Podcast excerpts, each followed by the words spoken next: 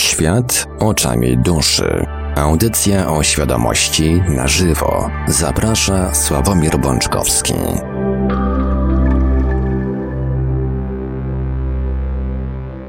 Poniedziałek, 9 sierpnia 2021 roku. Minęła przed chwilą godzina 20, a to oznacza, że czas na antenie Radia Paranormalium rozpocząć kolejny odcinek audycji Świat oczami duszy, audycją świadomości w całości na żywo. Przy mikrofonie i za starami technicznymi audycji jak zawsze Marek Sękiewelios, a po drugiej stronie połączenia internetowego jest z nami jak zawsze gospodarz audycji pan Sławek Bączkowski. Dobry wieczór panie Sławku. Dobry wieczór panie Marku, witam was kochani bardzo serdecznie jak zawsze. Mam nadzieję, że tutaj dzisiaj nie padnę przy, tej, przy tym mikrofonie. Ostatnio regularnie przepraszam się z rowerem, najczęściej celem zrobienia jakichś zakupów. Nawet w niedzielę zdarza mi się czasami wsiąść na rower i na przykład uzupełnić zapas chleba w miejscowej piekarni. Mam nadzieję, że dzisiaj też oczywiście taką wycieczkę małą do sklepu mam już za sobą. A że lubię się na tym rowerze czasami troszkę bardziej zmęczyć, to taki troszeczkę dzisiaj zmęczony tutaj yy, będę sterował tymi gałeczkami i tym mikrofonem. Mam nadzieję, że nie padnę, na razie na to nie, nic nie wskazuje, a póki jeszcze nie padłem, to przypomnę kontakty do Radia Paranormalium. Dzwonić będzie można w drugiej części naszej dzisiejszej audycji, ale numery telefonów warto zapisać sobie już teraz. Nasz numer stacjonarny to jak zawsze 32 746 0008, 32 746 0008, komórkowy 536 20 493, 536 20 493, skype radio.paranormalium.pl można także do nas pisać na GG pod numerem 36 08 8002, 36 08 8002 Jesteśmy także na czatach Radia Paranormalium na www.paranormalium.pl oraz na czatach towarzyszących naszym transmisjom na YouTube. Można nas także spotkać na Facebooku, na fanpage'ach Radia Paranormalium i pana Sławka Bączkowskiego, na grupie Radia Paranormalium i jeżeli ktoś woli, to możemy także wysyłać pytania, komentarze i różne inne wiadomości odnoszące się do naszej audycji na nasz adres e-mail radiomałpa-paranormalium.pl. A więc, panie Sławku, oddaję panu głos. Dziękuję, panie Marku. Jak zawsze. E, witajcie, kochani, jeszcze raz. Powiem tak. Miałem jakiś tam temat, y, który mi chodził po głowie. E, natomiast dzisiejsza audycja będzie w całości najprawdopodobniej e, zdominowana przez tematy, które pojawiły się w związku z wami a raczej e, w związku mm, z komentarzami, które pojawiły się pod ostatnią audycją. Tych, którzy, mm, że tak powiem, nie wiedzą o czym, o czym jest, mm, na jaki temat była dyskusja, oczywiście jak zawsze zachęcam do zapoznania się, e, no bo tam się trochę działo, działo. Mi się też zresztą e, przy okazji dostało. E, a zawsze jak mi się dostaje, to mam taką potrzebę mm, jakiegoś tam przemyślenia, zastanowienia się, zagłębienia w to. Więc troszeczkę się zagłębiłem i. Mm, no i efekt moich przemyśleń e, i pewnie też odpowiedzi, bo obiecałem, że, że ustosunkuję się do niektórych komentarzy, do tych, których się nie, nie, mm, nie odniosłem pisemnie, bo nie ukrywam, że nie jestem jakimś fanem pisania, e, między innymi dlatego, że, mm, że to strasznie długo się schodzi. Jestem takim bardzo praktycznym egzemplarzem, e, czyli jeżeli coś mogę powiedzieć w 3 minuty, a będę pisał 30 e, minut, to zdecydowanie wolę formę mm, rozmowy, ponieważ no, uważam ją za, za, za szybszą, skuteczniejszą, a, a też przy okazji przekazującą jakby komplet, przepraszam, kompletną informację łącznie z moimi e, tonem głosu, jakimiś tam pewnie emocjami, które część z Was e, w takich momentach wyłapuje. Mm, emotikonki jednak nie odzwierciedlają tych, e, tych emocji tak do końca. E, więc, więc tak, dzisiaj będzie taka audycja mm, na wasze życzenie. O tak. Z pewnością nie, nie, nie wszystkich, ale, e, ale przynajmniej te głosy, które do mnie dotarły. E, natomiast w poprzedniej audycji, gdzie rozmawialiśmy o e, różnicy pomiędzy czasem spędzonym mm, dla siebie, a czasem spędzonym e, na siebie e, i o przebodźcowaniu, pan Kazimierz zdeklarował się, że prześle mi swój pomysł na medytację.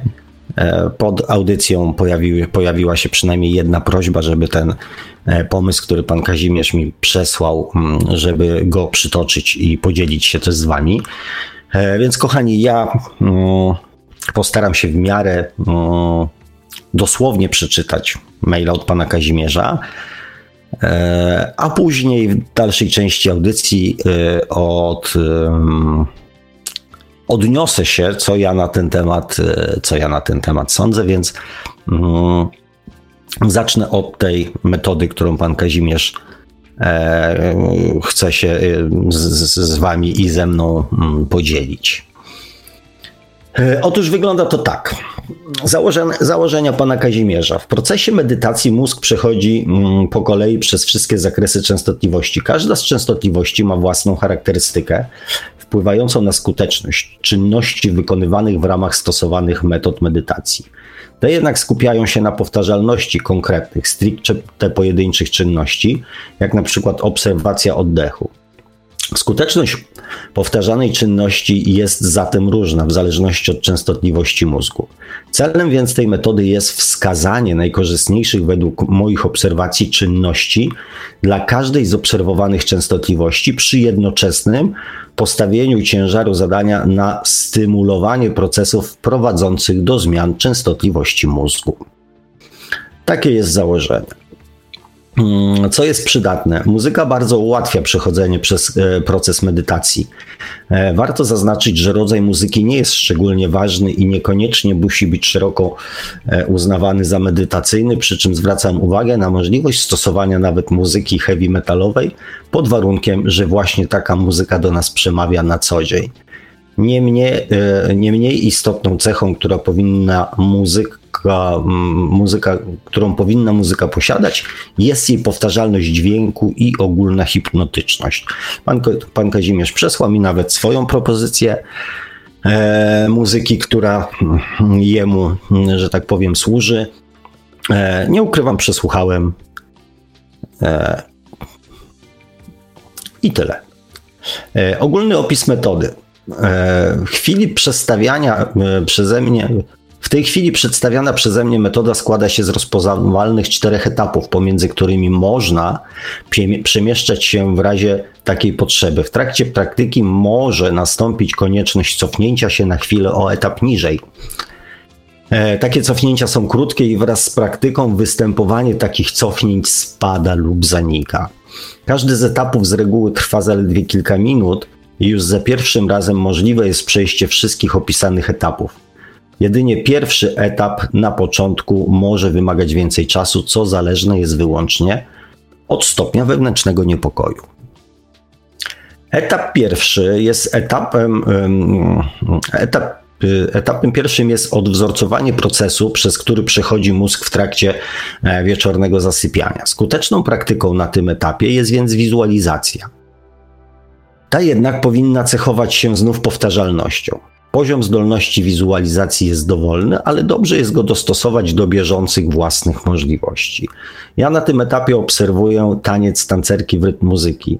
E, dlatego muzyka codzienna jest dobrym wyborem. Taniec jest powtarzalny i opiera się głównie na nieprzerwanych e, obrotach i piruetach. Wizualizacja e, wszelkich ruchów wahadłowych wymaga skuteczny, wzmaga skuteczność hipnozy hipnotyczną i znacząco ułatwia przejście mózgu na niższą częstotliwość.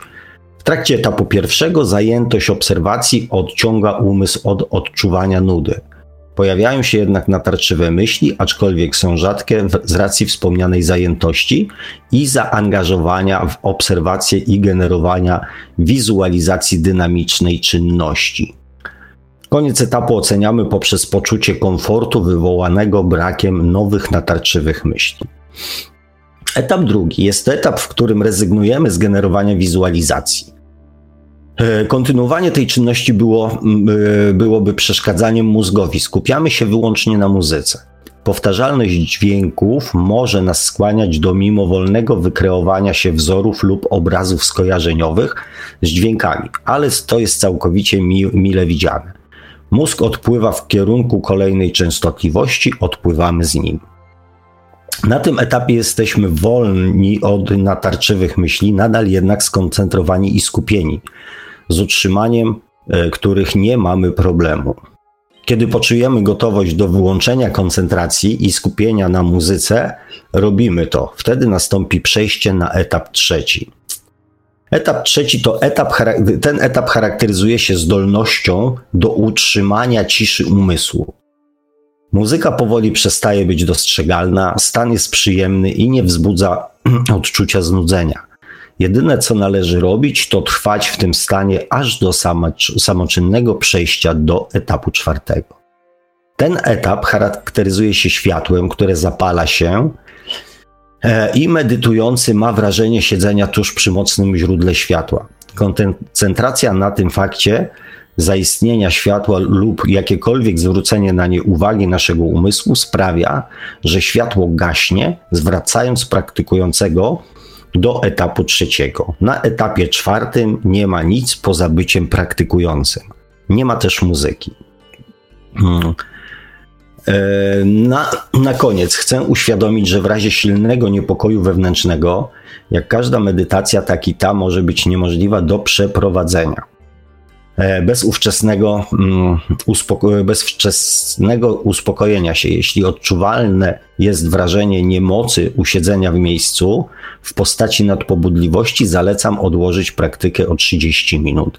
Nazwijmy to etapem zero, polegającym na zdolności do samooceny. E, I takąż to, że tak powiem, swoją własną, no, że tak powiem, E, sposobem na medytowanie podzielił się z nami pan Kazimierz. Bardzo mu za to dziękuję.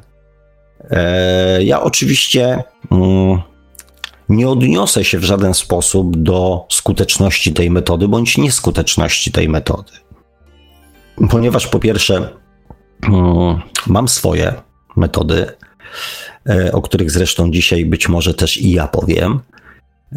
A po drugie, mm, tak naprawdę wiemy, że na każdego działa co innego. No może nie na każdego, ale mm, jak na razie nie znalazłem takiej jednej, jedynej e, skutecznej metody, która by zadziałała na wszystkich. Jest pomysł, jest technika, zwłaszcza dla osób, które, mm, które na przykład zaczynają, tak? które zaczynają, które nie wiedzą jeszcze, jak się do tego zabrać.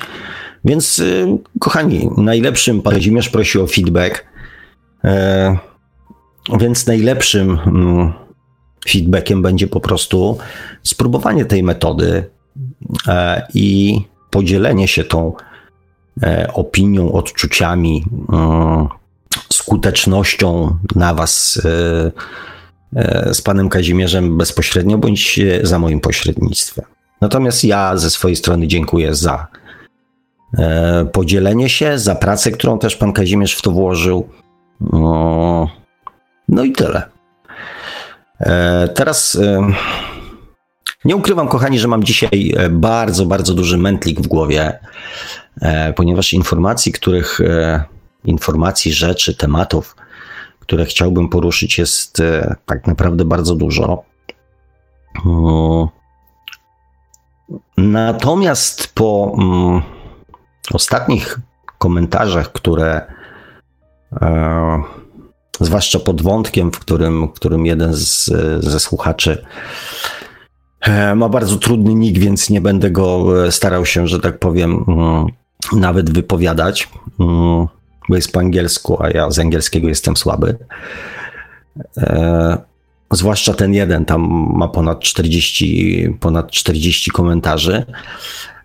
Uzmysłowił mi no, jedną, jedyną rzecz po raz kolejny, że, że my się całkowicie nie rozumiemy. Znaczy, e, uzmysłowił to dużo powiedziane, ponieważ mm,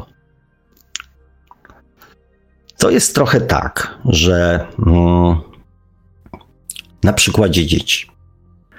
że mówimy dzieciom, jak są małe, później dorastają.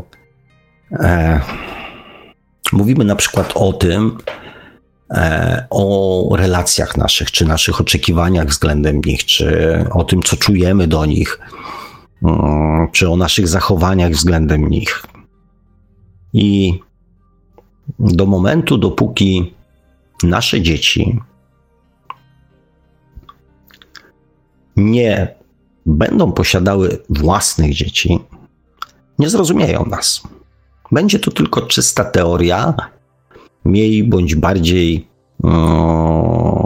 prawdopodobna, mniej bądź bardziej wiarygodna, e, mniej bądź bardziej um, taka, z którą się będą zgadzały bądź nie. Jest takie przysłowie, że um, biedny, biedny nie zrozumie bogatego, bogaty biednego, głodny najedzonego i tak dalej, i tak dalej. Że mm, mm,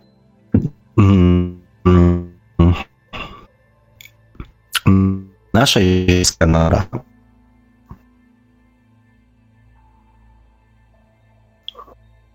i doświadczamy, musimy się myśleć o tej sytuacji, żeby ją zrozumieć. Panie Sławku, czy mógłby Pan jakoś po, po, powtórzyć ostatnie zdanie, bo, bo niestety coś, coś nam orwało połączenie przez e, sekund parę i, i nie było słychać. O dzieciach było? E, tak. Jak mówiłem o dzieciach, jak było, mówi, panie Marku? Jak mów, mówił Pan o dzieciach, tak. to właśnie w tym momencie zaczęło rwać. Teraz już jest chyba no, Okej. Okay. Dobrze, no bo nie wiem od którego momentu powtarzać. E, no więc właśnie, dzieci zaczynają rozumieć to samo co rodzice wtedy, kiedy zostają rodzicami. I mówię, są te teorie, że biedny nie zrozumie bogatego, bogaty biednego, najedzony głodnego i tak dalej, i tak dalej. Ponieważ nasza natura ziemska zaczyna pewne rzeczy rozumieć, jak się znajdzie, jak się znajdziemy w centrum takiej sytuacji, jakiej doświadczamy na swoim własnym, że tak powiem, na swoich własnych emocjach, na swoim własnym umyśle, e, to wtedy tak. Inaczej jest to tylko teoria. I e, tak samo jest, kochani, z nami. Ja opowiadam wam jakieś rzeczy, które, które są moim światem, moją rzeczywistością, których doświadczam. Natomiast nie mam zupełnie pomysłu, e, jak opisać to wszystko, żeby chociaż po części stało się to również waszym doświadczeniem. Podjąłem się no, prowadzenia, podjąłem się bardzo chodzić i pamiętam, że byłem Hmm, kiedy nie miałem żadnego pojęcia, poczynną audycję w ogóle, o czym ja będę mówił. Wiedziałem, co mi w sercu gra, hmm, natomiast nie miałem zielonego pojęcia jeszcze wtedy. I wtedy właśnie padło pytanie, jaki będzie tytuł audycji. Hmm, I ja praktycznie rzecz biorąc, za, od razu za pierwszym, że tak powiem, podejściem, wpadł mi ten, ten tytuł, pod którym prowadzę audycję od 120 tam czterech odcinków, czyli Świat oczami duszy tak mi coś zagrało, że, że, że, że tak będzie, że ta, tak, takim, czymś takim chciałbym się, e, że tak powiem, zająć. O tym chciałbym mówić. Jak wygląda świat oczami duszy? Czasami, znaczy, teraz mam e, ochotę albo zmienić, e, że tak powiem, e, tytuł, albo go rozszerzyć, mm, bo taki właściwy tytuł to powinien być świat oczami prawdy i miłości. I nawet niedawno, kochani, mówiłem o tym, czegóż oczekujecie od audycji, która ma taki tytuł. Co można się z takiej audycji dowiedzieć? I jakie tematy mm, w takiej audycji powinny się znaleźć? W audycji nie, nie i nie cały tylko. Różne audycje, różne, różne, żeby okazać jakieś informacje. E, natomiast moja formuła jest taka, jaka jest. I mm, tak na dobrą sprawę, w dużej mierze, to mógłbym też e, nazwać tą audycję Świat oczami Sławka Bączkowskiego. Ja czasami podaję jakieś przykłady ze swojego życia, czasami jakieś historie, e, jakieś rzeczy, natomiast e, tak naprawdę też mało wiecie o mnie. Nie znamy się. W większości wypadków nie znacie mnie osobiście. Może zobaczyliście moją gębę, twarzyczkę e, moją podczas oglądania filmów. Część z Was przeczytała książkę, część jest w audycjach od dawna, część dopiero do tych audycji dołączyła. Może mm, poznaliście moje poglądy, mm, może poczytaliście jakieś moje komentarze gdzieś na jakichś grupach. Natomiast tak naprawdę, mm, kochani, wy mało o mnie wiecie, a ja mm, tak naprawdę jeszcze mniej wiem o was. I tak się trochę bawimy w taką, taką ciuciu babkę. Natomiast jest z pewnością w tym jakieś tam e, drobne nieporozumienie. Zwłaszcza, że ja też w audycjach jestem troszeczkę inny, o czym przekonała się ostatnio pani Monika, e, z którą miałem przyjemność e, porozmawiać bezpośrednio przez telefon. No, więc też stwierdziła, że mam inny głos. Zresztą tempo moich wypowiedzi e, w rozmowach takich prywatnych jest też inne. E, mówię zdecydowanie szybciej, jestem bardziej taki energetyczny. Ci, którzy ze mną rozmawiali, pewnie wiedzą, pewnie też tą różnicę zauważyli.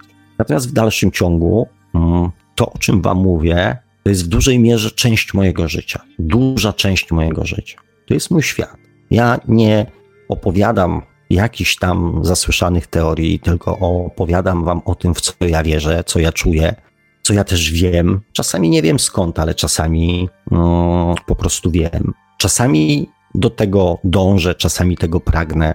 I też, żebyście wiedzieli, kochani, ja też w tym całym procesie, do którego Was namawiam, to dużo powiedziane, o, o którym mówię, o tym procesie rozwoju świadomości, ja też w nim uczestniczę.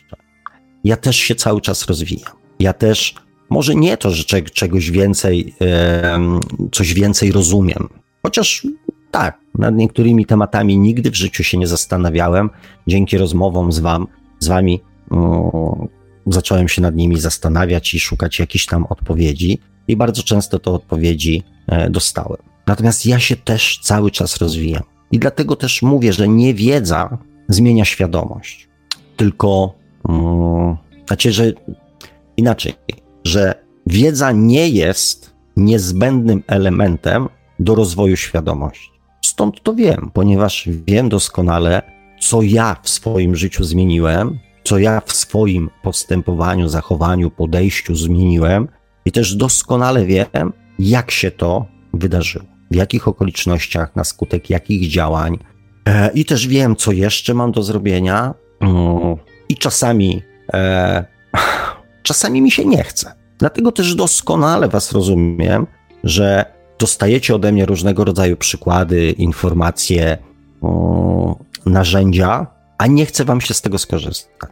Bo ja czasami też tak mam, że widzę, że coś tam zaczyna wystawiać łepek, ale mówię, dobra, nie jest jeszcze na tyle upierdliwe, żeby się zajmować tym teraz. Zajmę się tym, e, jak urośnie. Natomiast zdecydowanie widzę to, co nas dzieli.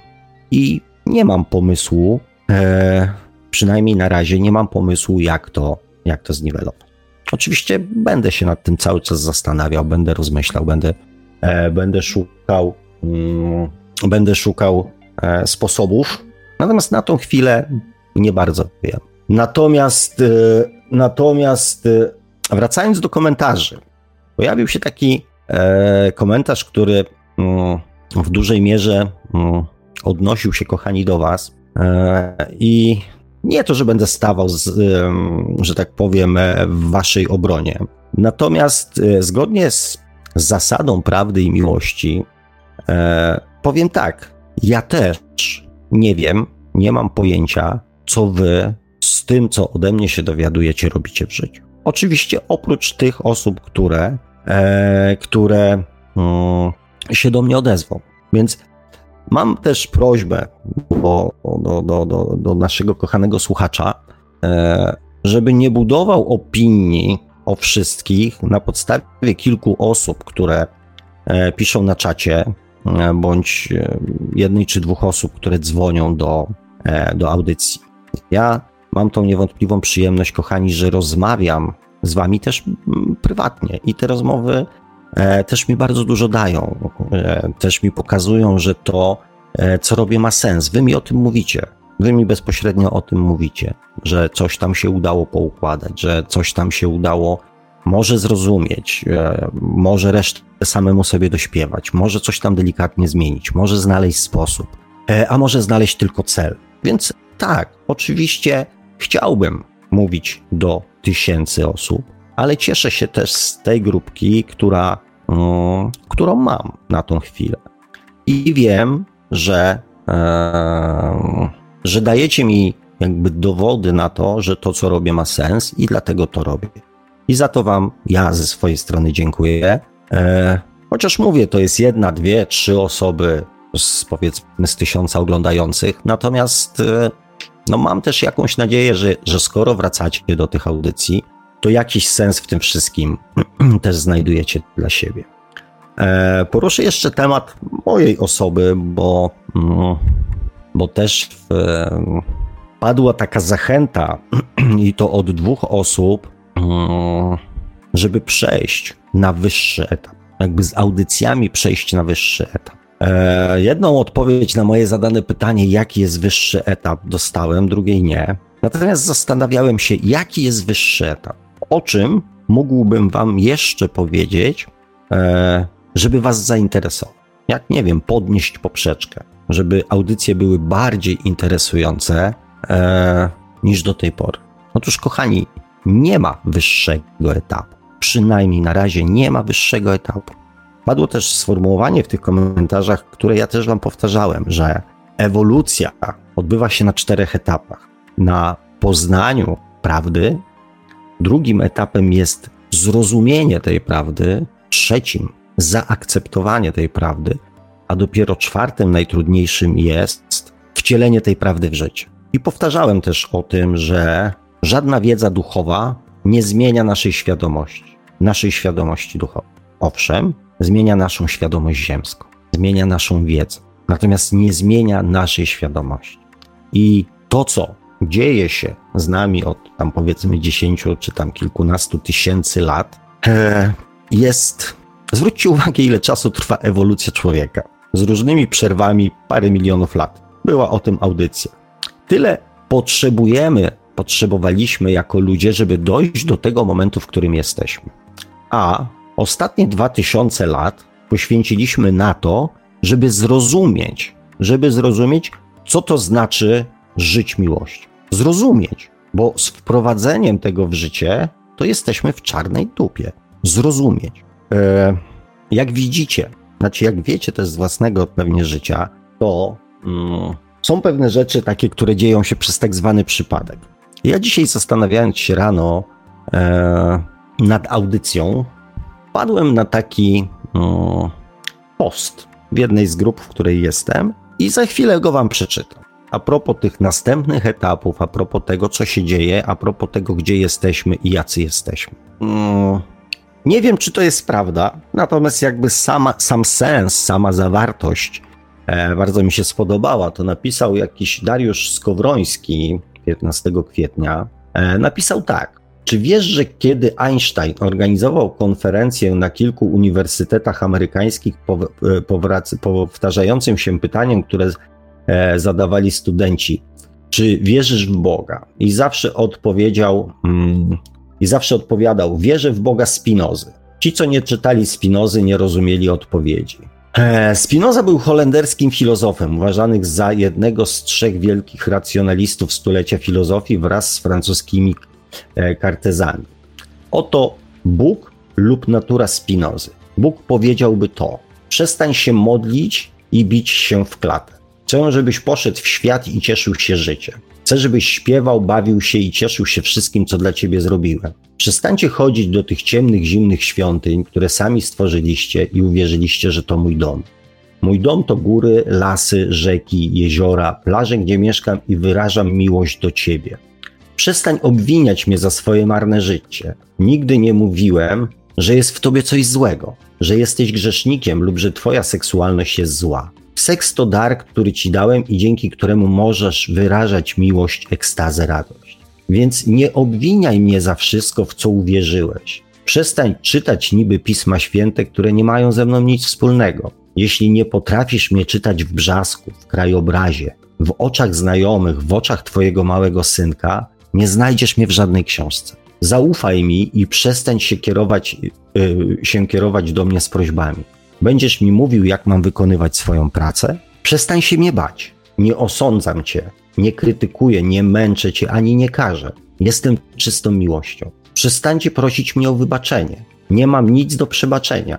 Jeśli coś zrobiłem, to wypełniłem to pasjami, przyjemnościami, uczuciami, potrzebami, niekonsekwencjami i wolną wolą. Jak mogę cię obwiniać, jeśli tylko reagujesz na coś, co sam ci stworzyłem? Jak mogę cię ukarać za to, że jesteś taki, jak inni, jeśli ja to zrobiłem? Czy myślisz, że mógłbym stworzyć miejsce do spalenia wszystkich moich dzieci, które nie zachowują się dobrze przez całą wieczność? Czy Bóg tak by zrobił? Zapomnij o jakimkolwiek przykazaniu, o jakimkolwiek prawie, które e, są tylko sztuczkami, aby tobą manipulować, aby ciebie kontrolować, które tylko tworzą w tobie poczucie winy. Szanuj bliźniego i nie rób innym tego, czego oni nie chcą robić tobie. Zwróć uwagę na swoje życie, niech twój umysł będzie twoim przewodnikiem. To życie to nie jest ani próba, ani preludium do raju. To życie jest wszystkim, co jest tu i teraz, i tylko ty tego potrzebujesz. Zrobiłem coś absolutnie darmowego. Bez nagród, bez kar, nie ma grzechów ani cnót. Nikt nie układa tablicy wyników. Nikt nie idzie na bicie rekordów. Jesteś absolutnie wolny aby uczynić swoje życie niebem lub piekłem. Nie mogę ci powiedzieć, co jest twoim życiem, ale mogę ci dać radę. Żyj tak, jakby jutra nie było, jakby to była twoja jedyna szansa na miłość i istnienie. Więc jeśli nic poza tobą nie istnieje, będziesz cieszyć się z każdej okazji, którą ci dałem. A jeśli istnieje coś ponad tobą, to bądź pewny, że tam nie zapytam, czy się dobrze zachowywałeś, czy nie. Zapytam, czy wam się życie podobało. Czy bawiliście się, co lubiliście najbardziej i czego się nauczyliście? Przestań we mnie wierzyć. Wiara to tylko zgadywanie i wyobrażanie sobie. Nie chcę, żebyś we mnie wierzył, chcę, żebyś mnie poczuł. Chcę, żebyś mnie poczuł, gdy całujesz ukochaną, gdy przytulisz swoją małą dziewczynkę, kiedy głaskasz swojego psa, kiedy bierzesz kąpiel w morzu. Przestań mnie chwalić. Jakim egipskim bogiem uważasz, że jestem? Denerwuje mnie to, że jestem chwalony zmęczony tym, że muszę okazywać wdzięczność. Czy czujesz wdzięczność? Pokaż to dbając o siebie, o swoje zdrowie, relacje, świat. Wyrażaj swoją radość. To jest jeden ze sposobów, aby mnie pochwalić.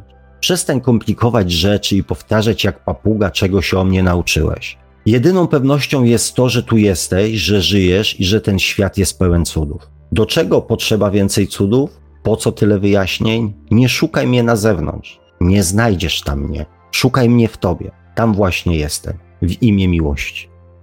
To jest, kochani, mm, to, chociaż pierwszy raz usłyszałem o Spinozie, ale to jest właśnie to, o czym ja chcę Wam mówić, o czym ja staram się mówić. Mm, jesteśmy w różnych miejscach tego poszukiwania. Powiem Wam, że mm, jak do tej, jedna, do tej pory jedna osoba, i to ostatnio, zapytała mnie, czy nie czuję, znaczy nie czuję, czy nie odnoszę wrażenia, że ludzie uważają mnie za bezdusznego i pozbawionego uczuć. Jedna, jedyna osoba. I to było pytanie, które mm, płynęło też ze zrozumienia, ponieważ świadomość to jest oprócz tego, że to jest brak strachu, to jest to też coś takiego, co ludzie czasami postrzegają jako obojętne. A jest to po prostu brak emocjonalności. Brak emocji, które większość ludzi ma w większości sytuacji życiowych. Świadomość to jest pewnego rodzaju zrozumienie i zaakceptowanie. I kochani, to nie znaczy, że ja nie mam emocji. Nie, ja uwielbiam się śmiać, uwielbiam się cieszyć, uwielbiam radosnych ludzi wokół siebie. szczęśliwych ludzi wokół siebie. Jestem człowiekiem pogodnym, wesołym, ale też spokojnym. Świadomość to jest pozbycie się strachu. Ja mam jeszcze strach. Ja się go nie pozbyłem całkowicie. Są jeszcze pewne aspekty życia, dlatego wiem, w których ten strach się pojawia. Natomiast też wiem, co jeszcze mam do poprawienia. Powiem Wam szczerze, że mm, do tej pory, nawet w ostatnich tych komentarzach, pojawiło się, że w audycjach jest, e, że ciepłe kluchy, żelanie, mm, takie ciepłych kluchów i tak dalej w tych audycjach. E, ponieważ ja taki jestem, ponieważ uwielbiam stany, w których jestem spokojny i też uwielbiam stany, w których mogę okazywać dobro czy wręcz miłość do ludzi bez ryzyka, że zostanie to przeze mnie e, przez innych wykorzystane. Ale ja taki jestem. To jest moja natura. I czytając komentarze, um, inaczej, wy czasami jak rozmawiam z wami, myślicie, że ja tutaj coś udaję, że wymyśliłem sobie taką formułę i, e, i taką, taką rolę odgrywam. Nie, ja taki jestem. I dlatego chciałbym wam powiedzieć coś, o czym z tego, co ja wnioskuję, większość z Was e, najprawdopodobniej nie wie. To znaczy, być może wie, być może sobie pewne rzeczy wyobrażacie, być może no, część z Was myśli, że wie, natomiast ja widzę, że nie. Czymże ta świadomość jest? Ta świadomość, o której ja mówię. Czym jest to kierowanie się w życiu prawdą i miłością? Jak ona się objawia? Świadomość to jest brak, oprócz braku strachu, to jest brak osobistej konotacji emocjonalnej z tym, co widzimy, słyszymy, czujemy, z tym, co widzimy, czytamy, oglądamy, słyszymy. Tylko umiejętność spojrzenia na to bez osobistego emocjonalnego zaangażowania. Tam, gdzie pojawia się osobiste emocjonalne zaangażowanie, tam się uruchamia podświadomość. Jeżeli piszecie w swoich komentarzach, że coś was irytuje, że coś was denerwuje, że ktoś bądź coś wam przes- przeszkadza, to w tym momencie uruchamia się podświadomość. Nieraz ktoś tam mi w takich sprawach prywatnych jakiś tam mm, zadaje jakieś tam pytanie, czy chciałbym coś zrobić, czy mam ochotę. Ja mówię, nie, nie mam ochoty. Jeżeli o to chodzi, to nie, nie mam ochoty. Albo inaczej, nie zastanawiam się nad tym, czy mam ochotę, ponieważ z punktu widzenia prawdy jest coś, co trzeba zrobić. I mój związek emocjonalny z tym nie ma żadnego znaczenia. Ludzie tracą energię na okazywaniu emocji w takich sytuacjach. Muszę rano wstać. Muszę rano wstać, bo sobie zaplanowałem, że wstanę o godzinie 6, tak? Zastanawianie się, czy mi się chce, czy jestem zmęczony, czy jestem niezmęczony, nie ma najmniejszego sensu. Ja w takich sytuacjach nic nie odczuwam. Po prostu podjąłem decyzję, że chcę wstać o 6. Więc wstaję o 6 i nie zastanawiam się nad tym. Ja nie mam związku emocjonalnego z bardzo wieloma sprawami, na które większość ludzi reaguje. Na przykład, czy im się to podoba, czy nie. Czy to jest zgodne z ich poglądami, czy nie. Czy jest zgodne z ich oczekiwaniami, czy nie. Czy jest zgodne z ich prawdą, czy nie. Jest jedna prawda, moja prawda, ta, na którą mam wpływ i ta, która jest motorem napędowym w moim życiu. To jest moja prawda. Każdy ma swoją prawdę, bo każdego co innego pcha do przodu. Wszystkie spieranki, wszystkie przypychanki, wszystkie emocjonalne zaangażowania w to są grą naszego ego. I tyle. Ja angażuję się emocjonalnie w momencie, kiedy czyjeś działania wpływają na moje życie. Z panią Moniką żeśmy rozmawiali i powiedziałem wprost: Pani Moniko, to jest mój czas. Więc ja też mam prawo decydować o tym, jak ten czas spędzę, jakie informacje będę chciał od Pani uzyskać. Czy wszystkie informacje, które Pani chce mi przekazać, są dla mnie istotne, czy są mi do niczego niepotrzebne? Kochani, świadomość to też jest spokój wyrażania swoich myśli, swoich uczuć, swoich pragnień. Ja taki świat chciałbym z Wami tworzyć. Często słyszę, że e, nasza dusza się tam czegoś domaga, że nasza dusza tęskni, że nasza dusza, mm, że właśnie tam w naszej, że naszą duszę trzeba uzdrowić. Jeżeli ktoś tak mówi, to nigdy ze swoją duszą nie rozmawiał. Nasza dusza jest zbiorem informacji, wszystkich wydarzeń ale przede wszystkim jest źródłem miłości. I tam nie trzeba nic naprawiać. Jeżeli coś trzeba gdzieś zmieniać, to tylko i wyłącznie w naszej ziemskiej naturze. Pod warunkiem, że ktoś ma na to ochotę. Kochani, jest taki stan i ja go doświadczam, kiedy kontakt, tak jakby z duszą, z własną świadomością duchową, ma się cały czas, albo przynajmniej przez większość czasu. Większość rzeczy, które, oprócz zawodowych rzeczy, które robię podczas rozmów z ludźmi, czy rozmów z wami, robię, prowadzę je przez pryzmat prawdy i miłości. Bez swojego osobistego, emocjonalnego zaangażowania i konotacji osobistych.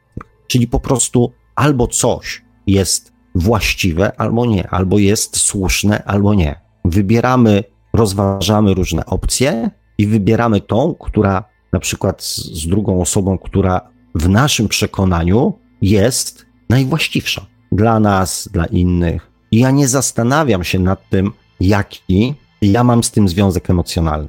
I też nie zastanawiam się nad tym, co ja będę musiał w związku z tym zrobić. Jeżeli to jest słuszne i świadomie podjąłem taką decyzję, to ja się nie zastanawiam, czy mi się chce, czy nie chce, czy to będzie ciężkie, czy to będzie trudne, czy to będzie jakieś. Ponieważ w moim przekonaniu tak właśnie wygląda prawda. Prawda mówi, że to jest najlepsze rozwiązanie dla wszystkich. Znaczy dla wszystkich zainteresowanych, tak? Zgodnie z moją aktualną świadomością. Tak, kochani, wygląda świadomość. Ta duchowa świadomość. Umiejętność patrzenia na świat, na życie, na siebie bez osobistych konotacji emocjonalnych. I o tym robię audycję. I faktycznie tu się nie rozumiemy. Totalnie się nie rozumiemy, nawet z tymi, którzy wydaje mi się, że było nam jakby mm, najbardziej po drodze. Więc nie będzie dzisiaj głaskania po główce, nie będzie lania ciepłych kluchów, chociaż tonu głosu na, e, na niczyje, że tak powiem, mm, potrzeby zmieniał nie będę. No, yy, więc, więc, yy, więc tak. I to nie jest ani przykre, ani smutne, ani e, jakiekolwiek inne. Naprawdę, tak po prostu jest. Oczywiście chciałbym, żeby było inaczej.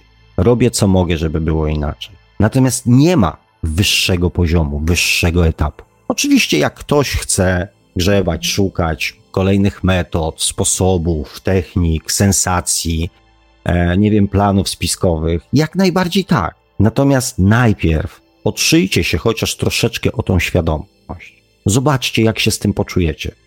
I wtedy zastanówcie się, czy potrzebujecie czegoś więcej. Nasza podświadomość nie ma potrzeby dokonywania żadnych zmian. Żadnych. Więc nasza podświadomość nie dokona sama z siebie żadnej zmiany. Wszystkiemu, co robicie, co mówicie, co mówi każdy człowiek, przypisuje pewnik. Tak jest.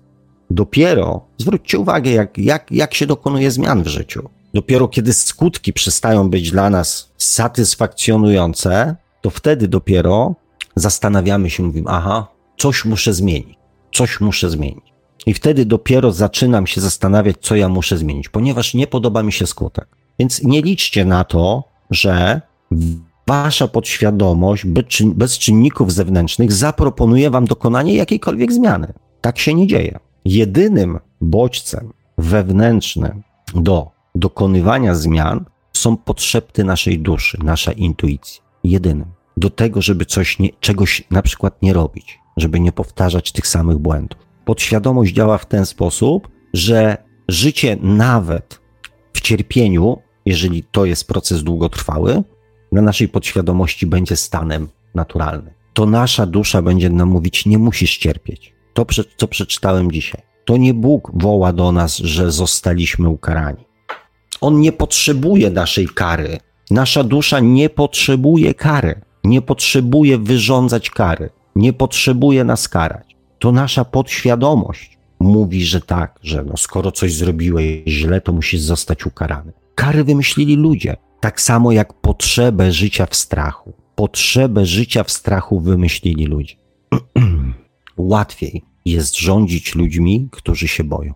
Ludźmi, którzy się nie boją, jest bardzo trudno rządzić, ponieważ człowiek, człowiek może powiedzieć: Nie, nie mam ochoty tego zrobić.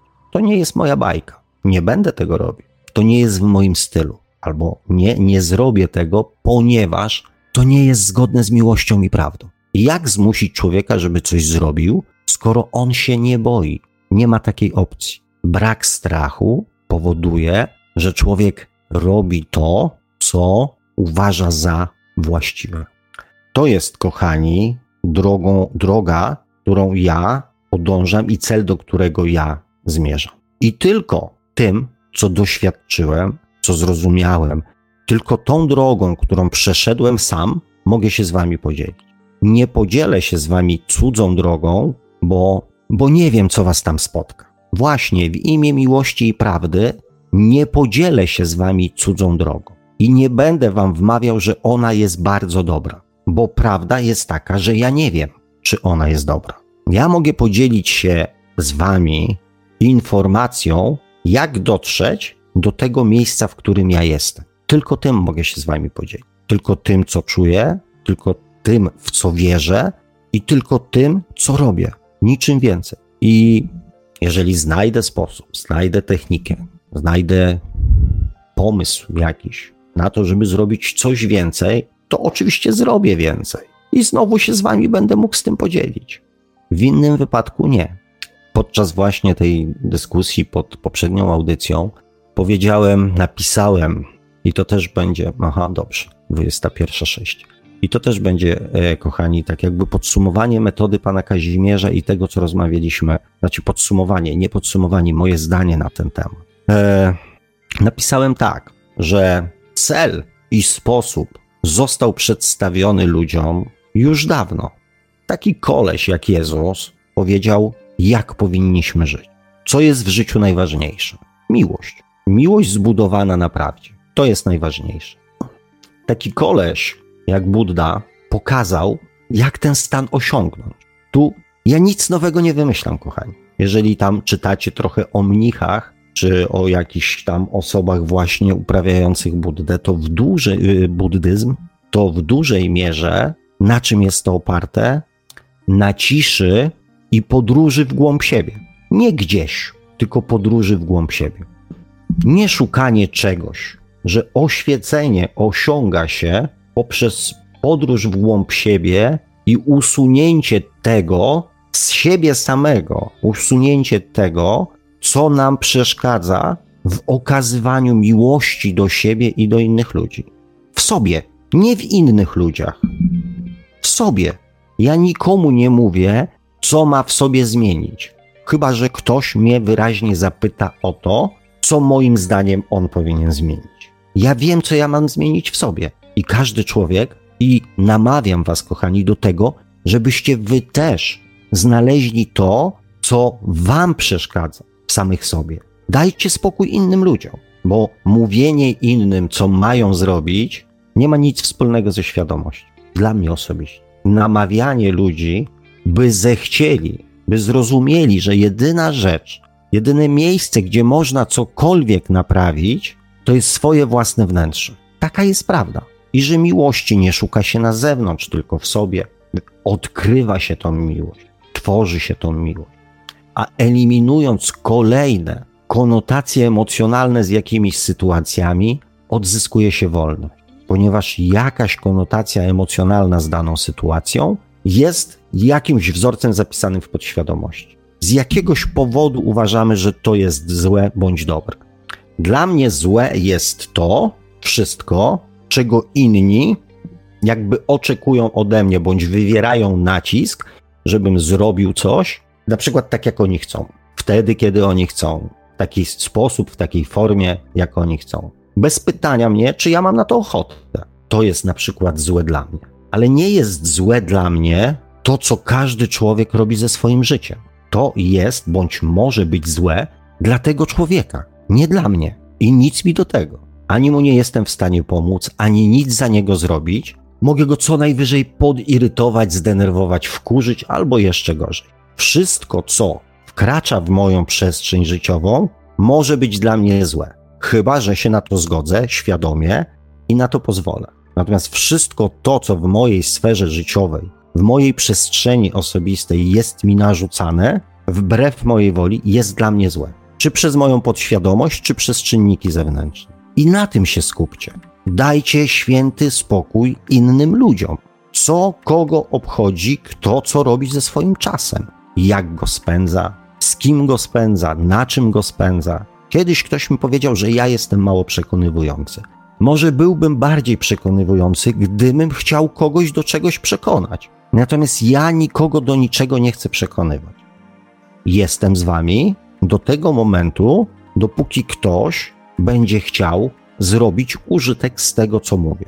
Do tego momentu, dopóki będę wierzył w to, że to, co robię, może sprawić, że czyjeś życie będzie weselsze, przyjemniejsze, spokojniejsze. E, będę to robił do tego momentu, dopóki będę miał przekonanie, że robię coś, by miłości i prawdy na świecie było więcej. I taki jest cel tego, co robię. Taki jest dla mnie sens tego, co robię. Wiara w to, że może miłości i prawdy będzie więcej na ziemi. Że może ktoś postanowi też wprowadzić do swojego życia więcej miłości i prawdy. Że może ktoś zrozumie, w czym jest problem i na czym należy się skupić, żeby tak się, tak właśnie w jego życiu, żeby tak się stało.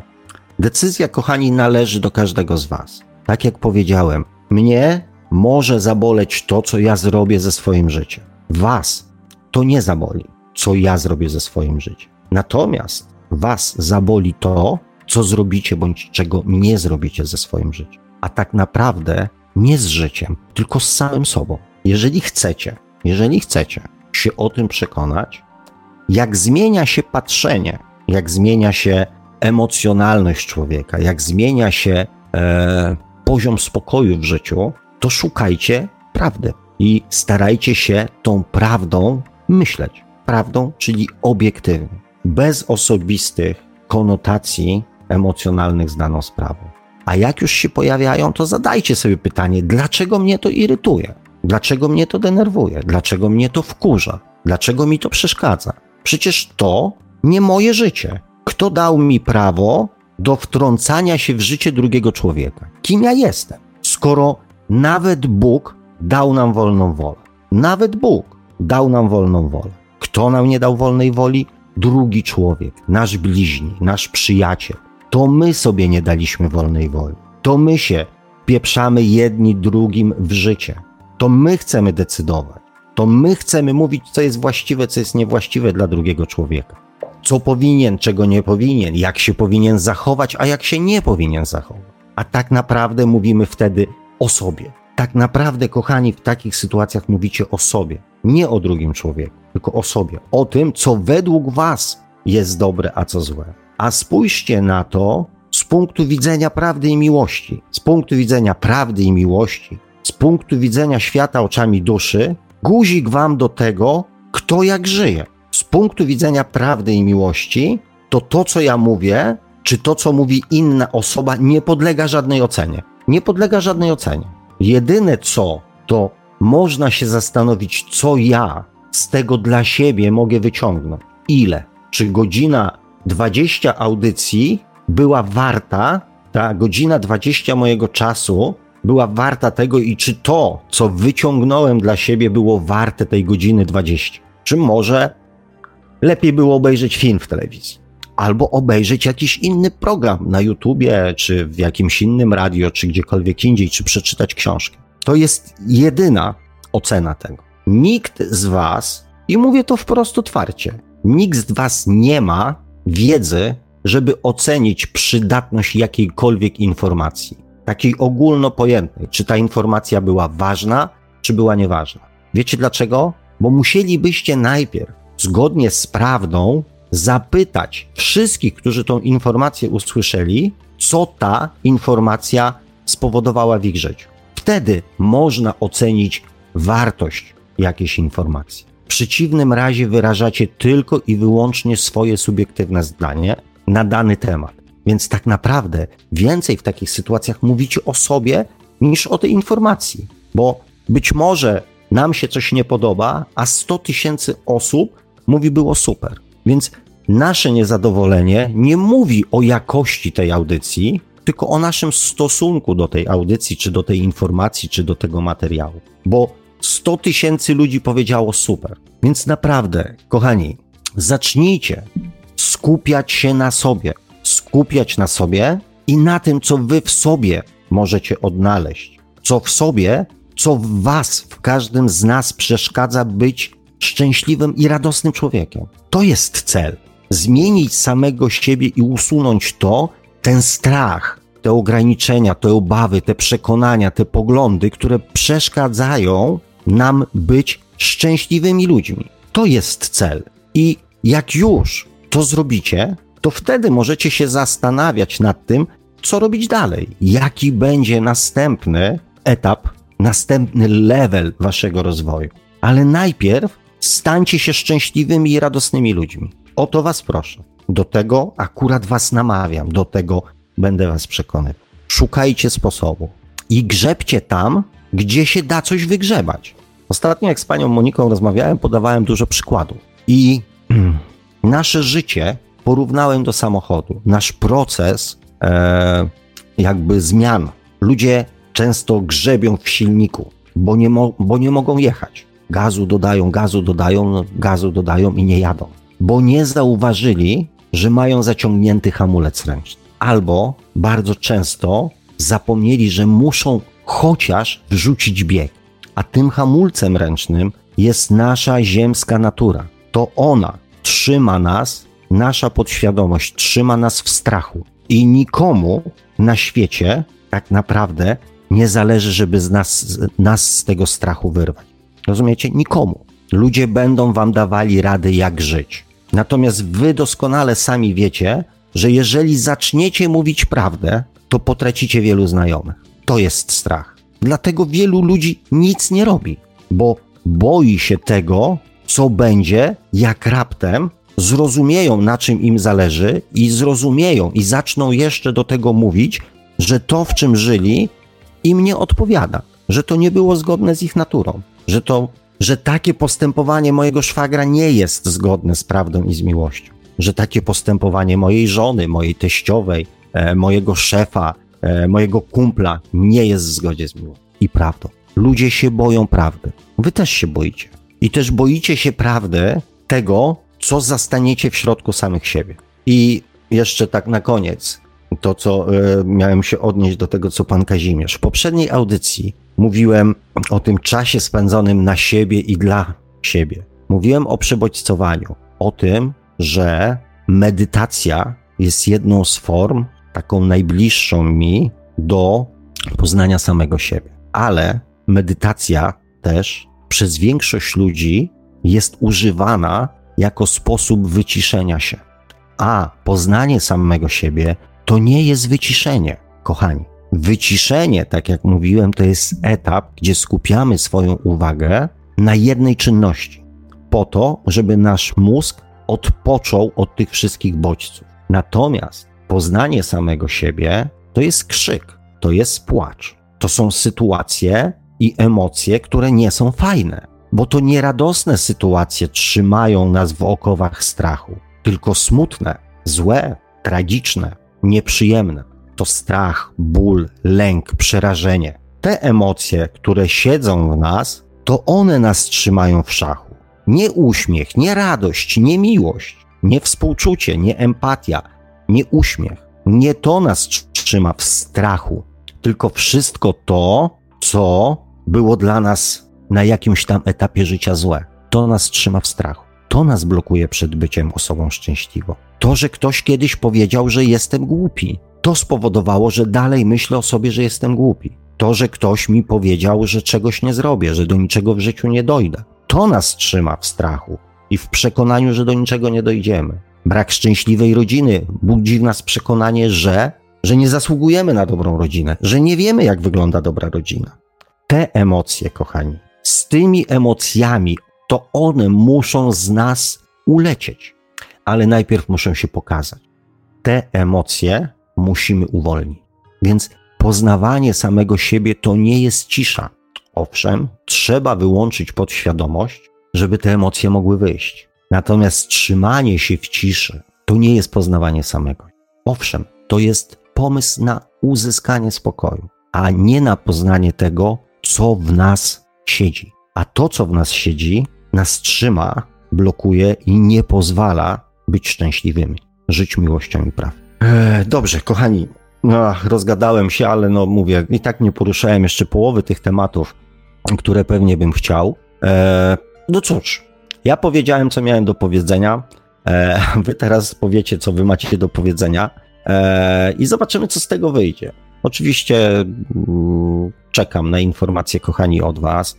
E, jak wy to tam sobie, że tak powiem, postrzegacie i czy jakby przybliżyliśmy się mm,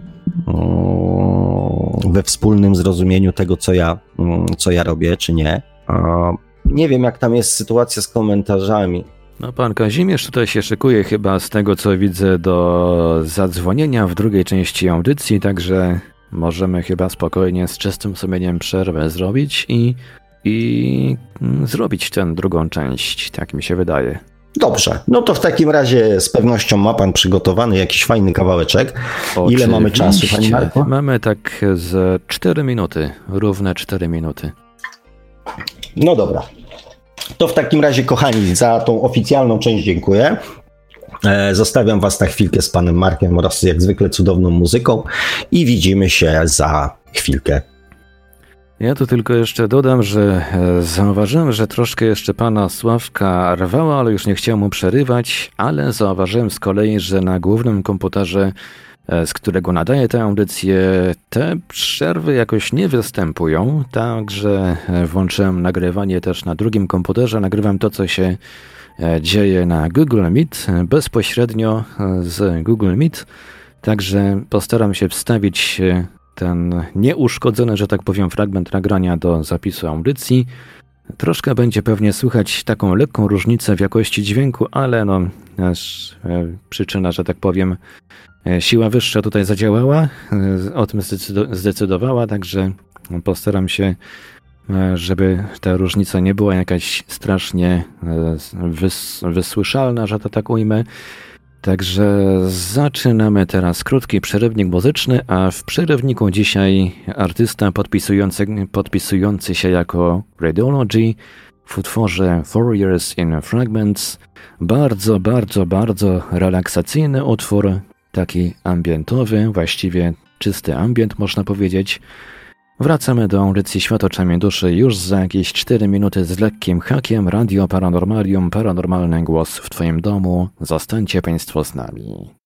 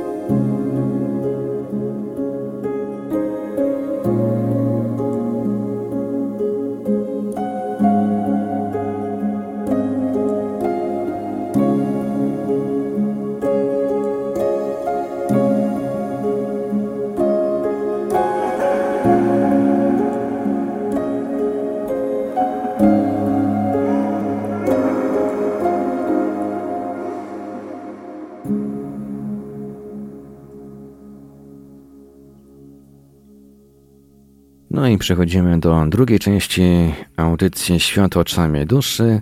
Ten ambient to okazał się taki może nie do końca czysty, to były jeszcze jakieś takie y, domieszki muzyki elektronicznej i czegoś tam jeszcze, ale myślę, że myślę, że chyba pasowała ta muzyka do charakteru audycji.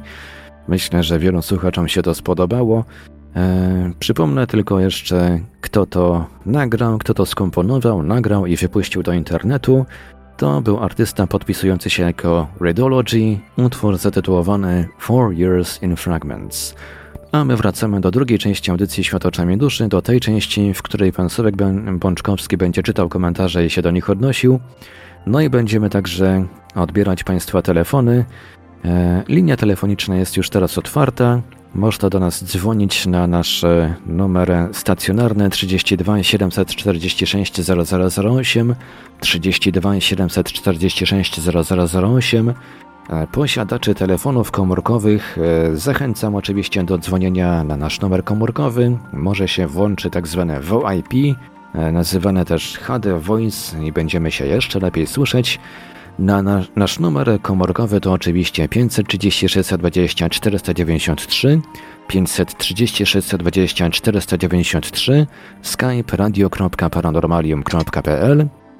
Można także do nas pisać na GG pod numerem 36 08 8002, 36 08 8002. Jesteśmy także na czatach Radia Paranormalium na www.paranormalium.pl oraz na czatach towarzyszących naszym transmisjom na YouTube. Można nas także spotkać na Facebooku, na fanpage'ach Radia Paranormalium i pana Sławka Bączkowskiego, na grupie Radia Paranormalium, no a kto woli, to możemy także wysyłać pytania, komentarze i różne inne wiadomości odnoszące się do naszej audycji na nasz adres e-mail radiomałpa-paranormalium.pl A więc, panie Sławku, oddaję panu głos, no i czekamy na chyba na pana Kazimierza. Z tego co tutaj widziałem, pan Kazimierz szykuje się do zadzwonienia. Czekamy jak najbardziej. Tak jest, Panie Kazimierzu. Dziękuję Panie Marku, tak w ogóle. E, Panie Kazimierzu, to za chwileczkę, bo ja tu tych komentarzy nie, nie widzę za dużo, e, więc jakby Pan poczekał tak 5 e, minutek z dzwonieniem, to ja bym doleciał z tymi komentarzami i wtedy bym zaprosił i byśmy sobie E, porozmawiali, bo tutaj widzę tak Pameluna, Laboratorium Recyklingu, Equilibrium się pojawił, Marek Ziarko, Karolina, Belfast, Łukasz.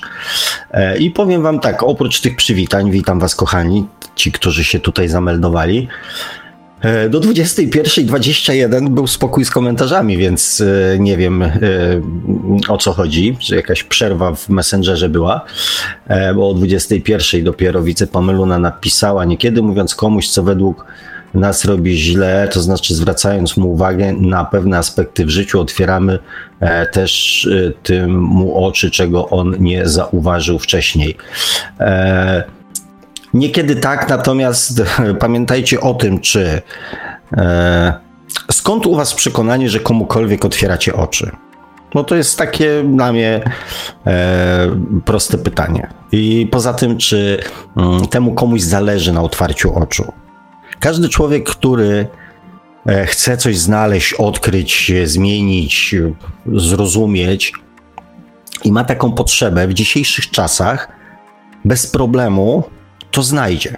I ja w swoim przekonaniu zwracam uwagę ludziom na coś, żeby mu otworzyć oczy w sytuacjach, kiedy to dotyczy mnie, bądź wtedy, kiedy mnie o coś zapyta. Pani Monika, która mam nadzieję, że nas dzisiaj słucha, e, była z pewnością będzie mogła poświadczyć, mm, że w momencie, kiedy coś dotyczy mnie, na przykład zadaję pytanie, tak? Skąd u pana, pani bądź u ciebie takie przekonanie, że ja chcę to wiedzieć? To jest taka fajna forma otwarcia oczu, tak? Że nie interesuje mnie to, na przykład jeżeli ktoś zaczyna mi opowiadać o innych ludziach. Nie jestem zainteresowany rozmową. Mogę być zainteresowany, co u ciebie. Natomiast nie jestem zainteresowany rozmową na temat osób trzecich. Więc, e, więc skąd to przekonanie, że komuś coś otwieramy? Pan Kazimierz zapytał na antenie, oczywiście już rozmawialiśmy. O, witaj Adamie, mm, bardzo fajna audycja. Mm, Cieszę się, że jesteś na żywo, bo ostatnio tak mówiłeś, że trochę rzadziej jesteś. A tak nie ukrywam, ale to prywatnie ci, y, że tak powiem, napiszę. Mam nadzieję, że w tym tygodniu, e, że, mm, że ściągnąłem cię troszeczkę myślami. Ale to napiszę ci w, e, w mailu. O, Magda pisze, Magda Michalczyk pisze, dziś w pełni otrzymałam odpowiedź na wątpliwości ostatnich dni. Dziękuję. E, było warto jak zawsze. O, bardzo się cieszę, droga Magdo, że, e, że warto było tą godzinę 20 poświęcić, czy tam godzinę 30. Hmm. Pameluna pisze, szczególnie przed podjęciem ciężkich decyzji ten hamulec jest przeważnie zaciągany, gdyż boimy e, ryzyka mm, zmian.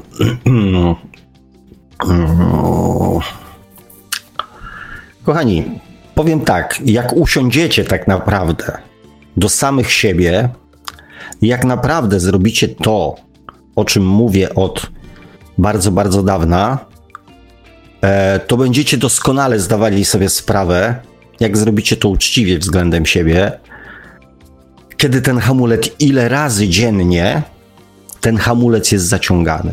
Ja powiem więcej. Większość życia ludzie tak naprawdę jadą na hamulcu ręcznym, bo ten hamulec ręczny jest zaciągany nawet w prostych sytuacjach życiowych. Pomyślcie sobie to, co prosiłem, to, co namawiałem, żeby tydzień czasu spróbować pożyć samą prawdą. Czyli mówicie coś do drugiej osoby i zastanówcie się, co byście tak naprawdę chcieli powiedzieć tej osobie. Reagujecie w jakiejś sytuacji, zastanówcie się, jak naprawdę chcielibyście zareagować. Tych sytuacji, oprócz w tych trudnych decyzjach, oczywiście zauważamy to, że się boimy.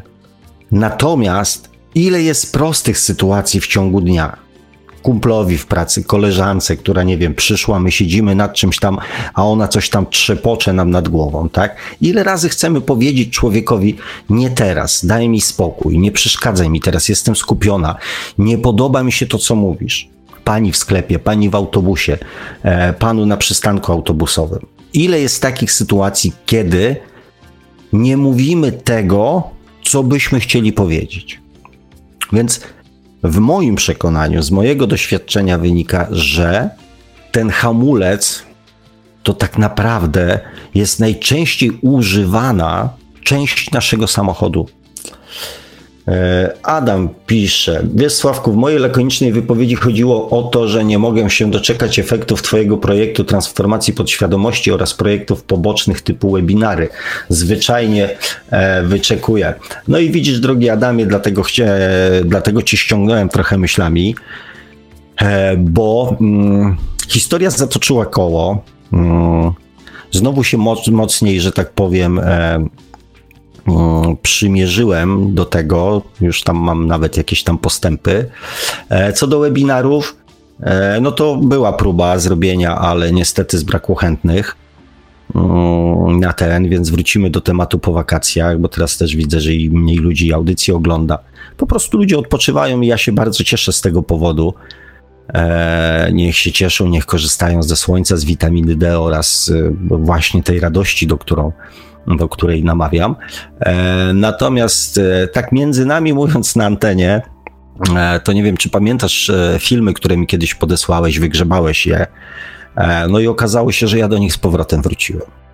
Także historia zatoczyła koło i właśnie przy, przy, przy, przy oglądaniu tych, tych też sobie pomyślałem, mówię, muszę do ciebie, muszę do ciebie mm, się odezwać, napisać ale czekałem, aż będą jakieś takie bardziej spektakularne mm, efekty. Natomiast y, też właśnie z, z panią Moniką, jak rozmawiałem, e, to ściąganie takie myślami, to o którym teraz mówię, e, właśnie padło pytanie, czy jesteśmy, czy możemy być jakby połączeni emocjonalnie czy energetycznie z jakimiś tam osobami. Oczywiście, że tak. Oczywiście, kochani, że tak. Ja przynajmniej osobiście Znam wiele sytuacji ze swojego życia, kiedy, kiedy za pomocą tego narzędzia, które się nazywa e, czakrą trzeciego oka, e, w pewnym momencie zaczynam myśleć o kimś, zupełnie tak w ogóle bez przyczyny, tak? I później nie wiem, za kilka dni, czy nawet tego samego e, dnia okazuje się, że ktoś, ten ktoś dzwoni do mnie na przykład wieczorem i opowiada mi e, o jakiejś tam historii, która miała miejsce w jego życiu. E, akurat wtedy, kiedy ja zacząłem o nim, mm, jakby pojawił się w moich, w moich myślach. Ostatnio taką spektakularną sytuację miałem, jak się kiedyś obudziłem, to się kiedyś, w tym roku, jak się obudziłem o 5 rano. Tak w ogóle bez, e, bez żadnego powodu. I obudziłem się, usiadłem na łóżku, co mi się w zasadzie nie zdarza. Nasłuchiwałem, czy coś się wydarzyło. To był styczeń, nawet dokładnie wiem, który. E, czy coś się wydarzyło, mówię, może jakiś hałas, może coś, ale patrzę, pieso nie reaguje.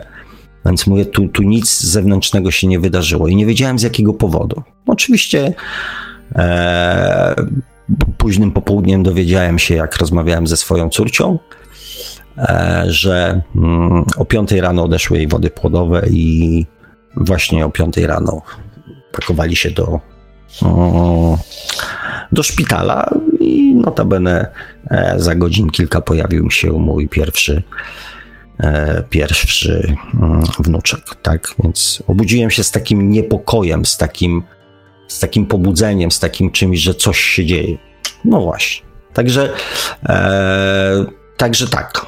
Więc myślę, że tutaj e, myślę, Adamie, że coś, taki mechanizm również tutaj u nas e, zadziałał, z czego bardzo się cieszę. E, pan Kazimierz napisał, że mam trochę niedosyt, bo nie czuję się jechany, nie wiem czy miałem być, a wolałbym, aby to do mnie dotarło, jeżeli powinno. Strasznie skomplikowana ta wypowiedź, e, panie Kazimierzu. Ja nikogo e, dzisiaj nie jechałem i też nie było takiej mojej intencji, jak nigdy zresztą, żeby komuś coś tam pojechać. To są właśnie nasze osobiste konotacje emocjonalne z danymi słowami, stwierdzeniami, sposobem mówienia E, i tak tak. Natomiast e, tu nie było mowy o żadnym jechaniu. To była tylko po prostu e, jakaś tam kolejna porcja prawdy w moim wykonaniu. Mm, więc Astra się przywitała tutaj z nami, więc panie Kazimierzu, jeżeli jest pan pod telefonem, to, to serdecznie mm, zapraszam. Dobrze, w oczekiwaniu na pana Kazimierza o. No właśnie, pan Kazimierz się zameldował teraz z powrotem na czacie. Pisał, że musiał na chwilkę wyjść. No to czekamy w takim razie teraz na telefon. Tak jest, panie Kazimierzu. Jak ma pan chwilkę, to serdecznie zapraszam. Ja może przypomnę przy tej okazji numery telefonów do nas. Stacjonarny 32 746 0008, 32 746 0008, komórkowy 536 120 493. Halo, halo. E, nie wyświetlił mi się, nie mam tego numeru w liście e, numerów, także e, czy się słyszymy? Tak, słyszymy się. Zgubił mnie pan, panie Marku? Kazimierz z tej strony. chyba mamy jakiś problem tutaj z połączeniem halo, internetowym. Halo, halo, panie Kazimierzu, czy się słyszymy teraz? Troszkę lwie. Już lepiej? Mówię, mówię, słychać mnie? No już lepiej, już lepiej. Ja pana słyszę. Okej, okay, dobra. Dobrze już jest? Mhm, tak. Z mojej, z mojej strony ja słyszę pana dobrze. No to świetnie. Pomimo problemów się udało. E, sobie tylko przyciszę, bo na słuchawkach mam wsteczkę. Dobrze. Moi drodzy, e, ja bym chciał ten temat troszeczkę pociągnąć głębiej i dalej, Który? jeżeli pan. Który? Ten, e, ten temat poruszany w pierwszej części, ogólnie e, e, temat. Mm, no w zasadzie mnie się tak wydaje, że to jest taki, taki troszeczkę temat innego patrzenia się mm, każdy z dyskutantów, o tak to ujmę, mm, ma inny sposób patrzenia się na to, czym powinna tak być audycja. Nie wiem, czy to dobre słowo, powinna być audycja. I ja się zastanawiam, czy nie wypadałoby tak troszeczkę kontekstu rozszerzyć, z czego ta dyskusja w ogóle wynikła, bo nie wiem, czy wszyscy nie. będą wiedzieć, tak? Nie, nie. Hmm? Znaczy, panie Kazimierzu, ja powiem tak, żeby już, e, przepraszam, że wpadam w słowo, natomiast jak powinna być audycja, E, to znaczy, zasada jest prosta, tak? Ja was proszę, kochani, o podrzucanie. To jest pański biznes. E, tak, bo podrzucanie hmm. tematów, o których chcielibyście, żebym mówił. Natomiast hmm. owszem, słucham głosów e, na temat tego, znaczy, że komuś się coś może, akurat, może, akurat. Hmm. może podobać bądź nie podobać. Natomiast no, zasada hmm. jest prosta. Ja to robię tak, jak ja to uważam, że powinno być, bo to jest moja hmm. audycja. Jak ja to widzę, jak ja to czuję. Natomiast każdy hmm. słuchacz ma E, prawo wyboru, czy jemu to odpowiada, czy nie, tak? Natomiast każde sformułowania, i parę osób już się na mnie za to obraziło, tak, że ktoś czegoś oczekuje ode mnie, tak? No więc e, mhm. e, od razu mówię, pozostańcie w swoim oczekiwaniu, bo ja nie jestem tutaj.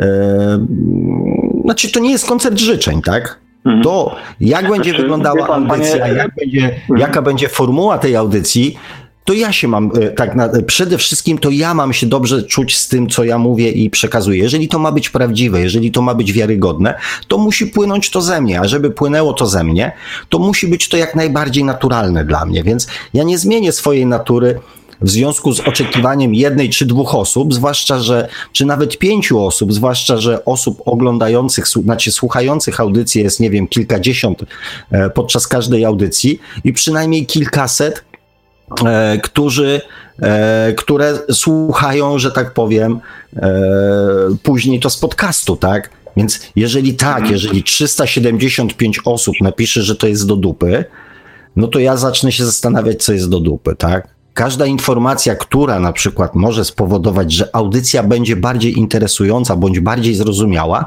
tak. Natomiast co do samej jakby formuły audycji bądź tego całego co ja tworzę, no to w zasadzie.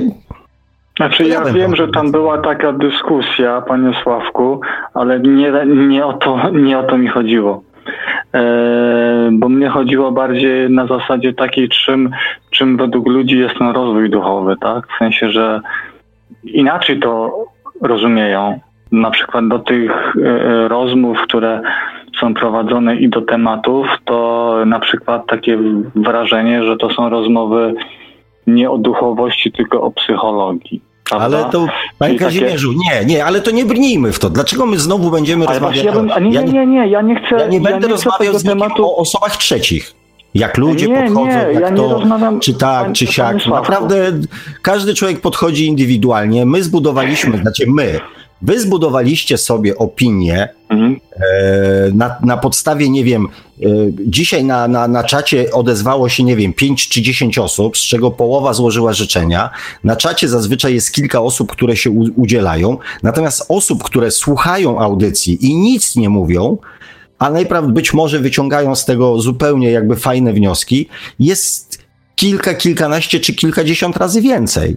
Więc co my możemy powiedzieć o ludziach? Inaczej Mhm. Jak oni do tego podchodzą, jak oni nic na ten temat nie mówią, ale są w następnej audycji, bo widzę to po, e, po powiedzmy, po lajkach, po, po ilości, mhm. że tak powiem, odsłon. Więc no. Ale panie Sławku, y, umówmy się, że tą dyskusję ja zostawiam, bo ja tam po prostu nawet, y, no nawet mi się tego nie, nie chciało później czytać. Nie chciało mi się w to wchodzić. Ja napisałem swoje, i nie odnoszę się do tego, kto, kto konkretny coś napisał, żeby roztrząsać to, tą to sprawę, nie kto miał rację. Panie Kazimierzu, zostawmy ten Dokładnie. temat. Bo w ogóle, niech pan w ogóle o tym nie Ale wspomina. Ja tego nie osoby, ciągnę, która w tej dyskusji, w tej dyskusji ciągnie pan, bo cały czas pan o tym mówi. Osoby, która uczestniczyła w tej dyskusji nie ma z nami, więc nie będziemy na ten temat rozmawiać. No i nie rozmawiamy. To przejdźmy ja do tego chciałem... tematu to przejdźmy no. do tego tematu, o którym będziemy rozmawiali. No i właśnie to jest taki temat, bo chciałem wyciągnąć pewne wnioski, przynajmniej z początku, i e, chciałbym zahaczyć w związku właśnie z tym. E, chciałbym, o, in, inaczej, chciałbym wyciągnąć wnioski z tej dyskusji, przedstawić e, to jakby mm, mm swój, swój taki ten, swoją taką myśl, o, i, i żeby po prostu zamknąć, tą, zamknąć pewien temat tą, tym, że pan po prostu się do tego odniesie i, i, i tyle, tak? Bo, bo, bo o co mi chodzi? Tak? Zastanowię się, czy się odniosę. No, dokładnie. Bo o co mnie chodzi?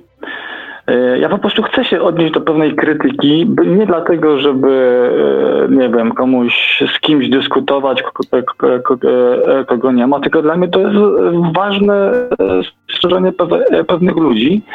Dla mnie to jest właśnie cenne, tak? Cenne dlatego, ponieważ wrażenie takie, że rozmawiamy o czymś, co nie jest kwestią duchową, w moim przekonaniu, czy ja to tak rozumiem, właśnie było błędne. Dlaczego? Ponieważ ja patrzę na to w ten sposób, że jeżeli przychodzimy na świat, to jest właśnie kwestia duchowa, przychodzimy na świat, mamy przed sobą jeszcze nieznane, prawda, e, e, rzeczy do przeżycia.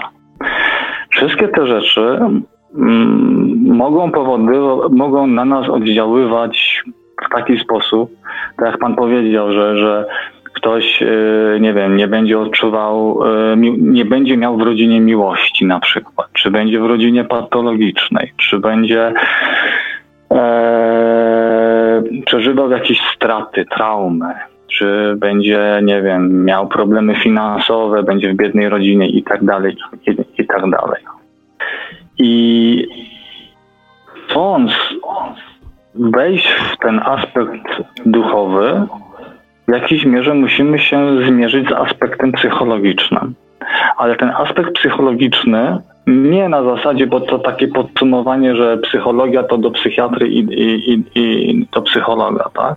Musimy zrozumieć, co się z nami dzieje i przenieść to wszystko w tą właśnie przestrzeń duchową, tak? Zna, znaleźć e, takie du, duchowe to jakby światełka, które będą pomagały nam z, z, zrozumieć problem. Czyli jeżeli nie masz tej miłości, no to czym jest miłość? Dążyć do kolejnych etapów. I my w tej rozmowie wtedy, co prowadziliśmy, no ja uważam, że taki mie, mie, mieliśmy cel, i zawsze, kiedy coś się dzieje w takich rozmowach, zawsze jest cel taki, żeby wskazywać mm, swe, swego rodzaju drogę w kierunku duchowości, tak żeby, żeby nie stricte zamykać się na ten aspekt psychologiczny, tylko zadać sobie pytanie, gdzie w tym aspekcie psychologicznym jest duchowość. Tak to chciałem Odwrotnie. ująć.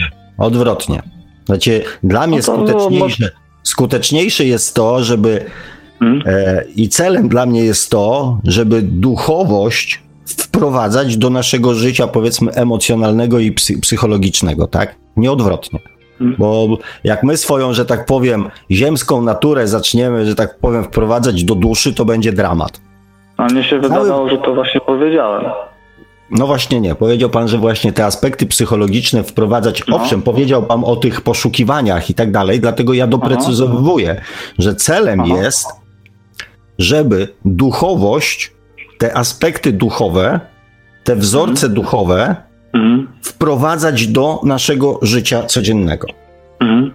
Jak zwykle tylko doprecyzowuję. Mhm. Bo, bo, pamiętam jak na jednym. Mm, a to chyba był pan Marek. Pan chyba Marek kiedyś czytał taką. Nie jestem pewien, czy on czytał fragment książki. Eee, nie wiem, czy to było, czy, czy, czy, czy to było na kanale pana Marka. Właśnie odnośnie reinkarnacji, jak ktoś napisał książkę, w której spisywał różne przypadki reinkarnacji, jak ludzie według tej książki tam, jeszcze po tamtej stronie na różne rzeczy się umawiali. I tam właśnie było bardzo dużo o emocjach, o właśnie tych aspektach stricte psychologicznych, że musieli pewne rzeczy przeżywać i, oczekiwali i musieli oczekiwać tą drogę. No to mogło być I, albo czytałem i, którąś książkę, albo, albo prezentowałem, albo tłumaczyłem któryś z, z wywiadów Toma Campbella. Już nie pamiętam teraz. Możliwe, dokładnie. możliwe. Mhm. Tak, tak, tak. E, dlatego też to jest też takie wzbogacenie dla mnie, bo też ja od dłuższego czasu zacząłem w ten sposób e, e, patrzeć mm, na te rzeczy. I Zastanawiam się właściwie, Mm. No właśnie, za, zawsze na przykład jak ja na antenie e, coś próbuję tak w ten sposób e, e, wchodzić w te tematy, to w zasadzie wchodzę od w sumie takiej strony. Mm, a w sumie, wie pan, panie Sławku, musielibyśmy e, wejść głębiej w ten temat, do czego, czego w ogóle to wszystko dotyczyło, bo, bo, bo mi się wydaje, a to nie ma chyba e, sensu. Mnie, mnie się ogólnie, tak, tak podsumowując, e, wydaje, panie Sławku, tak, tak podsumuję, mi się nie chce w ten temat nawet już głębiej wychodzić. Że tutaj mo, tak stricte moje zdanie, mm, że jest taki podział na ludzi, którzy chcą stricte takiej wiedzy, wiedzy i ludzi, którzy chcą się bardziej dzielić czy e, na różny sposób doświadczeniami i przemyśleniami. Ja uważam, że dzielenie się przemyśleniami jest o tyle ważne, że jeżeli dzieli się przemyśleniem ktoś, kto nie ma doświadczenia, to jest wysokie prawdopodobieństwo, że inni, którzy słuchają i nie mają doświadczenia, e, współdzielą tę opinię i wtedy łatwo się na antenie odnieść do tej opinii przykład panu Sławkowi i odnosząc się do jednego, do jednej opinii, odnosi się jednocześnie do stu i rozjaśnia. A jeżeli ktoś ma e, opinię zbieżną z opinią pana Sławka, to ci, którzy mają opinię inną, od razu dostrzegą, że mają odwrotną i również wiele rzeczy się rozjaśnia. Dlatego też, bo był taki właśnie ten wątek, że wielkim problemem było, że na przykład ja dzwonię i się dzielę swoimi opiniami i przemyśleniami, zaznaczając, że to jest moje. Na przykład, że ja tak robię. No właśnie z tej, z tej perspektywy uważam, że jest cenne, tak? że, że może się pan Sławek odnieść do czegoś konkretnego i jednocześnie trafić do 150 osób. I chyba nie przestrzeliłem się, panie Sławku, w tym. W nie wiem. myśleniu. Znaczy nie, wiem, e, znaczy nie wiem, czy do 150 osób, ewentualnie do ilu, tak? Panie Kazimierzu, no ja ogólnie rzecz biorąc, e, no dobra, już nazwę rzeczy po imieniu, tak? Ja mm, hmm. jakby tych stanów e, takich emocjonalnych, o których Pan mówi, e, czy też rozmawiam czasami ze słuchaczami, ja tych stanów nie posiadam. Hmm. Więc e, ja też dzięki temu sobie uświadamiam, e, z kim, mm, z kim rozmawiam, tak? Ponieważ to e, mm, dla mnie pewne sprawy są już jakby proste, jasne, oczywiste, działające, funkcjonujące i e, kiedyś nawet myślałem, że wszyscy tak mają. Taki, taki błąd logiczny sobie w założeniu popełniłem, że wszyscy tak mają, tylko im się nie chce, nie? -hmm. E, natomiast y, czy, czy to coś tam komuś pomoże? Nie wiem, dyskutowałem właśnie na ten temat z panią Moniką, tak? Nie wiem, czy pomoże. Ja mam taką prostą, ja mam taką prostą zasadę e, w swoim życiu funkcjonującą od zawsze. Jeżeli mm, widzę już w czym jest problem, zrozumiem w czym jest problem, to już nie tracę więcej czasu e, na poszukiwanie przyczyny. No. Tylko skupiam się już na tym, co można z tą sytuacją zrobić, żeby było lepiej. Mm. Natomiast. Mm, Dokładnie. Natomiast tak, bardzo często w różnego rodzaju rozmowach, czy komentarzach, czy jakichś tam e, naszych e, rozmowach telefonicznych e, pojawia się ten właśnie aspekt takiego dywagowania, takiego rozważania jeszcze, takie jeszcze. E, dla mnie, z mojego punktu widzenia, to jest strata czasu. Bo ja w zasadzie to wszystko, co powiedziałem, mógłbym zawrzeć w trzech audycjach. Ja bym mógł powiedzieć tak. Tu jest to, tu jest to. Jedyne miejsce, gdzie można grzebać, to jest nasza podświadomość, i teraz skupmy się, bo tam są wszystkie, że tak powiem, cały syf jest w naszej podświadomości.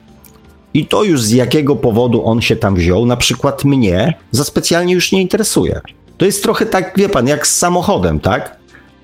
Mhm. E, zresztą tak samo mam z ludźmi, z którymi gdzieś współpracuję, tak? Bo to jest taka ta mania wchodzenia na przykład gdzieś tam i patrzenia, kto co zrobił przed nami źle. A mnie to nie interesuje. Mnie interesuje stan za stany, czyli mam taką a taką sytuację konkretną i w takiej i w takiej konkretnej sytuacji muszę sobie jakoś poradzić, i nic tej sytuacji nie zmieni. To, czy ktoś coś spieprzył, czy ktoś coś zrobił źle, czy powinien zrobić inaczej, nie ma już dla mnie żadnego znaczenia. To jest tak jak, No sam, jak z samochodem, jak z samochodem, który się zepsuje. Dywagacje na temat tego, dlaczego on się zepsuł, mogą mi tylko pomóc w rozwiązaniu problemu, ale kto, jak się ten poprzedni właściciel, jak się tym samochodem opiekował, e, który mechanik tam mógł coś jeszcze przy okazji źle zrobić. I całe mnóstwo tych procesów takich wstecznych, które ludzie przeżywają, mnie to nie dotyczy. Dla mnie jest zepsuty samochód i całą swoją uwagę skupiam na tym, żeby go uruchomić. Nie przeżywam emocjonalnie, że to na pewno ktoś mnie oszukał, że to jakiś złodziej mi go sprzedał, albo handlarz, albo ktoś zrobił to Mhm. specjalnie, albo nie Tylko specjalnie, nie za bardzo. albo mechanik E, nie Nie wiem, dokręcił czy my mówimy chyba o. o tylko my, nie wiem, czy my mówimy o, o dwóch rzeczach różnych. Bardzo możliwe. Ja po prostu, wie pan, e, mm, Znaczy Ja nie, no mówię- dobra, konkret, konkret. Ja konkret, dobra, walimy kon, kon, kon, e, takie konkrety, okej? no właśnie tak. konkretem było to, że pan się skupia jeszcze bardzo często na różnego rodzaju dywagacjach, a ja się Mhm. skupiam już na konkretnych, e, na, na konkretnym poszukiwaniu rozwiązania. No. Wie pan, Dlatego- akurat e, moje dywagacje, czy nie, no, akurat ja e, te, te dywagacje różne, to może akurat e, w zasadzie nie, nie mam pojęcia, co pan rozumie przez dywagację, tak? Ale jeżeli już, to tam bardziej bym użył słowa nie, w sumie można użyć, tak. Tylko, że to jest z perspektywy takiej, że jako osoba, która coś tam próbowała e, przez pewną drogę przejść, no to ja te dywagacje po prostu znam, że one są. Ja je chciałem dlatego niekiedy poruszyć, ponieważ one też są w, w głowach wielu ludzi, bo też rozmawiam z ludźmi. Może tego nie zaznaczyłem wystarczająco, bo ja często właśnie powtarzam na przykład, że ja kiedyś tak myślałem, że ja kiedyś tak miałem. Powtarzam takie rzeczy. Mhm. I czuję, że ktoś tego nie słyszy, że ja mówię, że ja kiedyś tak miałem, ja kiedyś tak myślałem, mnie się kiedyś tak wydawało, albo potem, że teraz na przykład mam już w ten sposób. Dzielę się tym, czym było, tym, co jest i staram się wyłowić też i dla pana, i dla słuchaczy coś, do czego pan się może odnieść.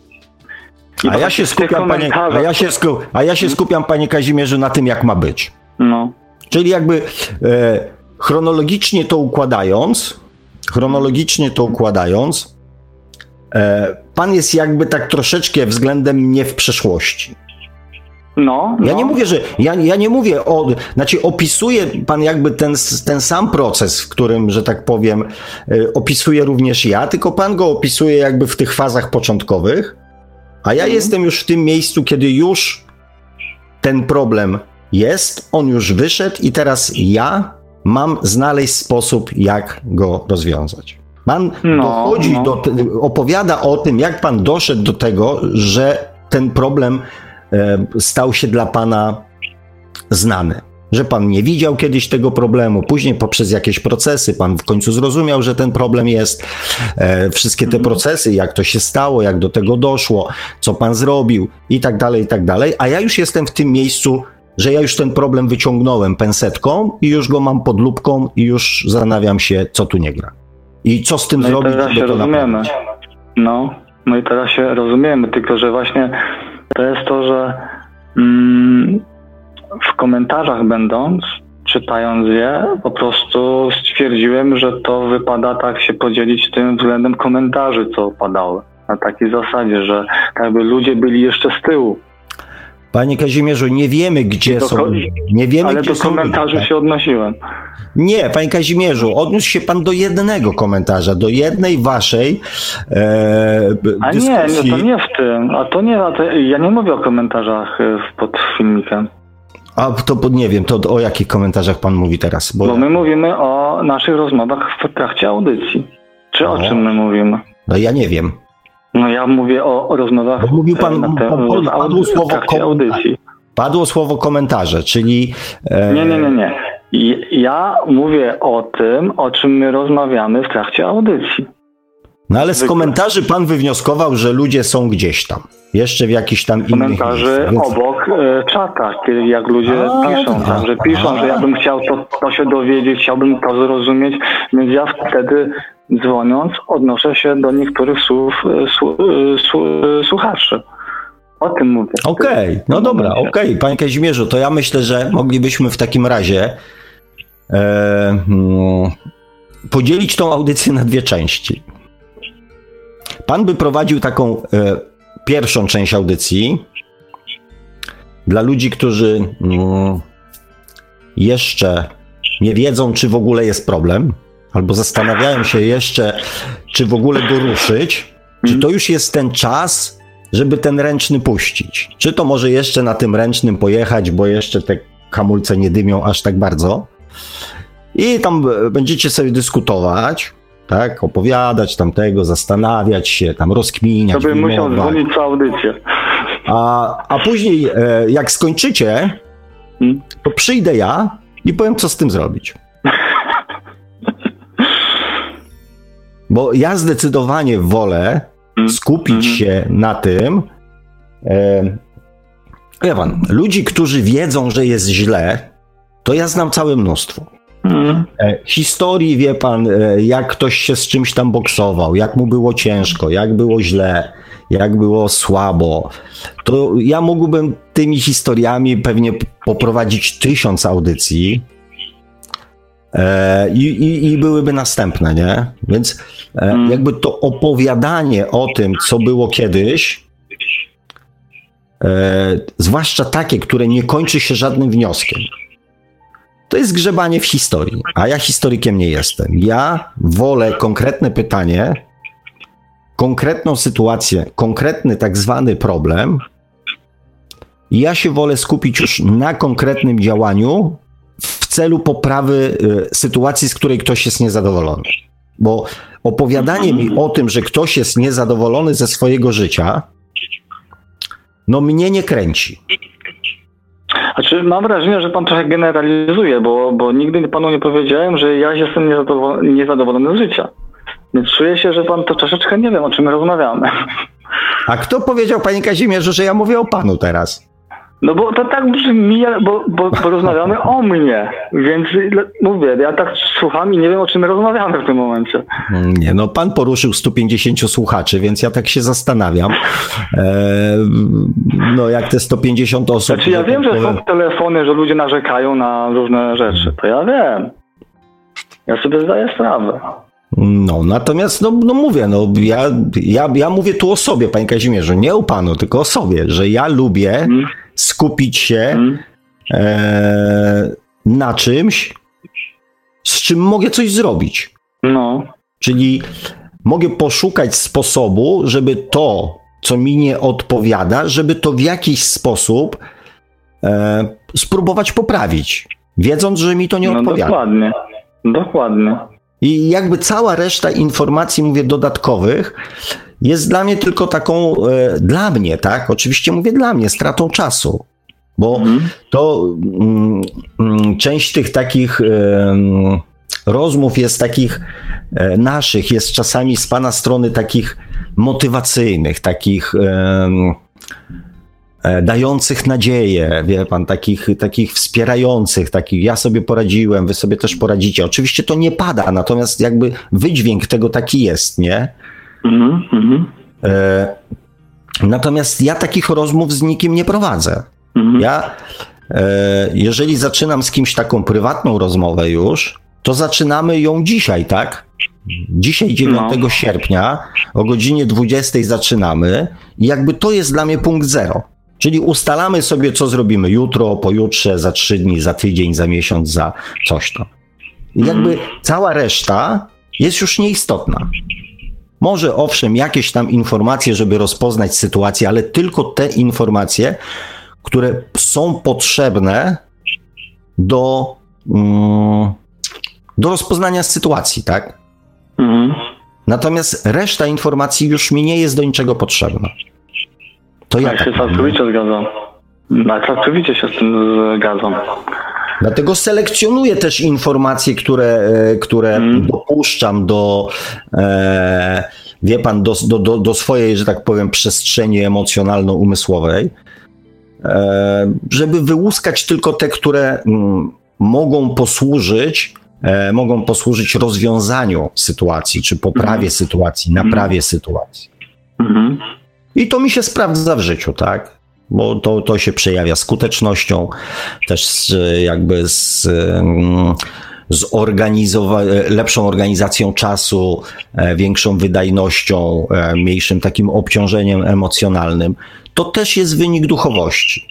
To jest też mhm. wynik świadomości, tak? Żeby nie skupiać swojej uwagi na rzeczach, na które się nie ma wpływu, e, które nic nie wnoszą, przy których już, że tak powiem, nic się nie da zrobić to jest też przejaw takiej świadomości w praktycznym wykonaniu. I to jest efekt uboczny, to jest efekt uboczny świadomości. Mm, dokładnie. Tak, I bardzo, bardzo, przyda, bardzo przydatny w życiu. Mm.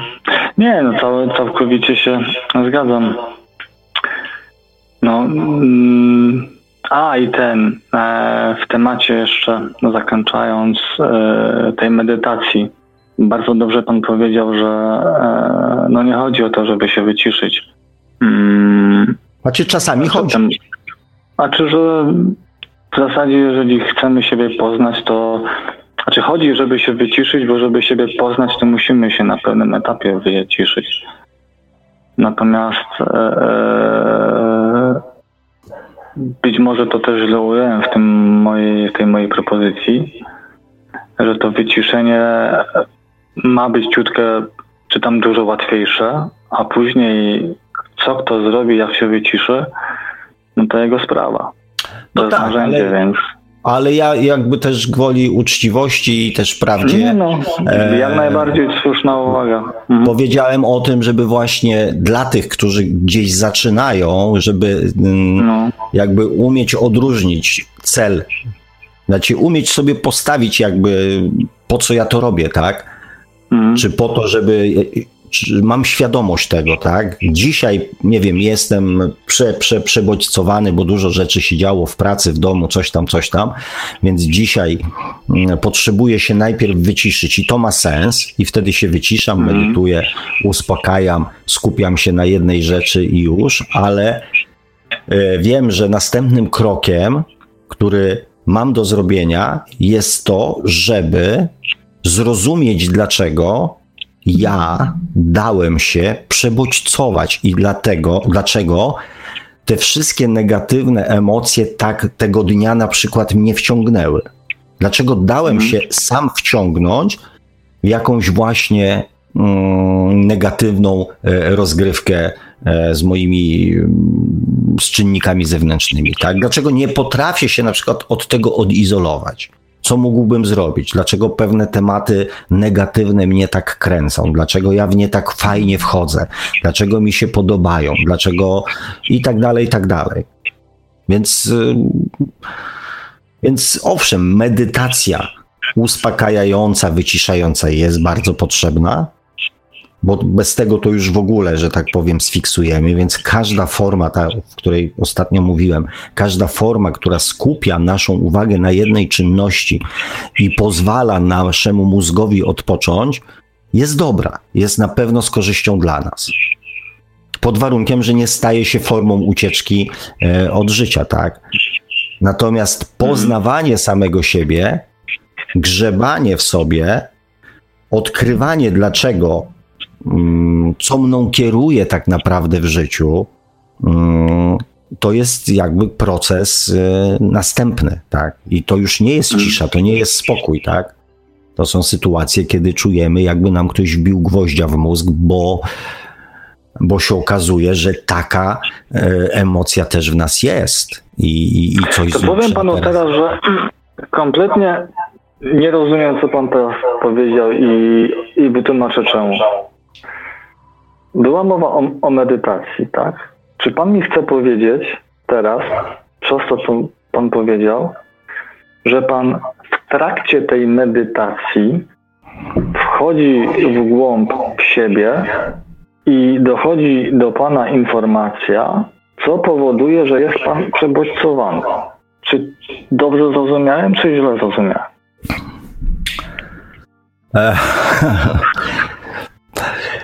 Poniekąd tak. Poniekąd tak. Bo żeby było Natomiast jasność, nie. bo żeby Natomiast okej, okej, okej. Natomiast y, nie chodzi konkretnie o przebodźcowanie.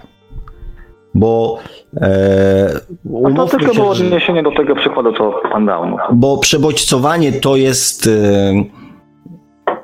natłok informacji płynących z mhm. zewnątrz. I tego mhm. tak naprawdę, e, wie pan, człowiek, który jedzie konno przez e, na przykład, nie wiem, jakąś tam sawanę i obserwuje wi piękne widoki, nie będzie tak przebodźcowany, jak człowiek, który wsiada w samochód i jedzie nim do centrum Warszawy. Mhm. Więc wie pan, same te czynniki E, jakby zewnętrzne, niezależne od nas, płynące z naszego wzroku, słuchu, powodują to, że nasz mózg pracuje bardzo intensywnie. Czy w pracy, mamy dużo pracy, skupiamy się, jest jakaś tam presja czasowa, coś się tam nie udało i tak dalej, i tak dalej. To na to nie mamy za specjalnie wpływu. A i tak nasz mózg jest obciążony tymi bodźcami i musi E, ten czas jakby uspokojenia się tych emocji, tego wszystkiego, tej adrenaliny też, która się pojawia, musi przeminąć, żebyśmy wrócili do jakiejś takiej normy. Natomiast bardzo często e, ludzie mówią, bo ja taki jestem. I na przykład jadą autobusem, albo jadą na przykład to moje, moje ulubione określenie z korkami, tak, jadą samochodem w korku przez 2,5 godziny i przez 2,5 godziny się nakręcają, przeżywając e, wszelkie negatywne stany emocjonalne z przeklinaniem, trąbieniem i tak dalej, i tak dalej, tak? I to już jest decyzja, która zależy od nas. Emocja, która, którą my sami wytwarzamy. I w takiej sytuacji, przy takim przebodźcowaniu, warto się zastanowić, dlaczego ja się tym denerwuję. Bo to nie jest coś, co ja muszę robić. Ja mogę tego nie robić, ja się mogę nie denerwować w korku. To jest moja decyzja, ale coś jest we mnie, co każe mi się denerwować. I mało tego, ja się próbuję uspokoić, ja próbuję być spokojny, ale ktoś mi wyjechał, więc ja już tam trąbię, już mu tam posyłam palce środkowe, wskazujące różne tam inne, co tylko możliwe. I nie patrzę, czy są ludzie ze mną w samochodzie, czy są dzieci. Po prostu ludzie bluzgają, przeklinają, krzyczą, plują na siebie. I pytanie jest, co jest we mnie, że ja tak reaguję. I nad tym się warto zastanowić. Oczywiście, jeżeli ktoś chce, bo może jeździć do końca życia w korkach i zachowywać się w ten sposób, tak? Aż się mhm. doprowadzi, nie wiem, do zawału serca albo do wylewu, albo do jakiegoś groźnego trochę, wypadku. Trochę coś w tym jest, co albo... pan mówi. W tym, co pan mówi, jest bardzo dużo wieloznaczności, bardzo często. Dlatego też się nie dziwię, że w tych komentarzach po prostu było wiele takich nieporozumień. E, w tamtych komentarzach, co, co czytałem, że każdy tam miał różne zrozumienie audycji, bo to, co ja mówiłem na początku, bo zacząłem od tego, że każdy ma swoją wizję, jak ta audycja powinna wyglądać.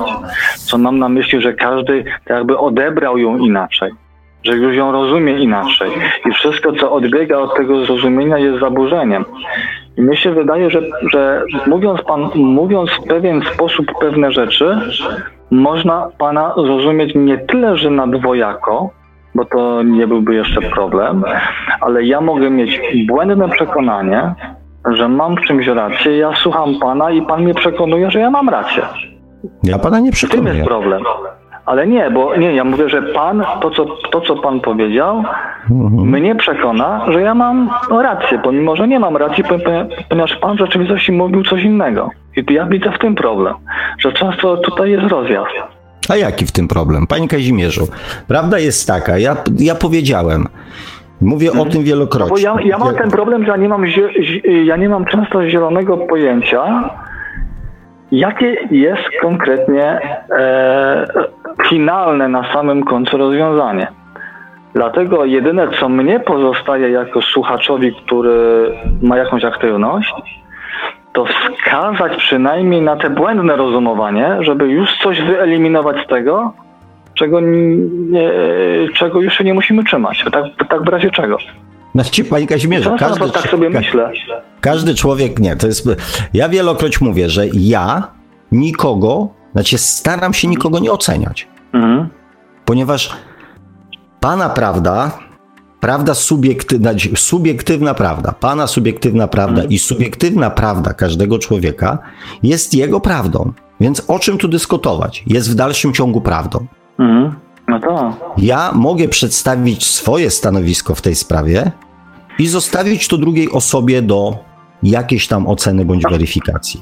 Okej, okay, dobrze, ale pamięta pan, jak pan. I, dla, i dlatego jest wieloznaczność. Nie, panie Kazimierzu, jeszcze skończę. Hmm? E, I dlatego ja dążę, staram się.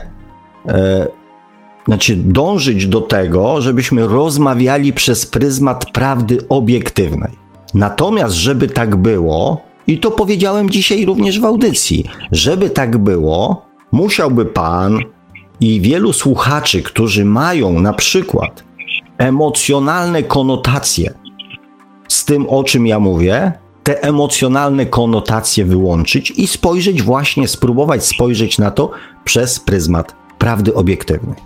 I to jest właśnie ta praca, i to jest też test, bo do momentu, dopóki wkręca się pan w coś emocjonalnie, to podejmuje za pana decyzję pana podświadomość.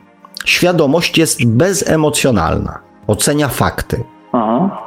Ja mówię w taki sposób, żeby pokazać też między innymi tą różnicę, jakie jest postrzeganie czegoś poprzez pryzmat własnej podświadomości, poprzez pryzmat własnej subiektywnej prawdy, a jaka jest różnica w patrzeniu na to przez pryzmat prawdy obiektywnej. Czyli jest korek i ode mnie zależy, co ja w tym korku zrobię ze swoim czasem i ze swoimi emocjami.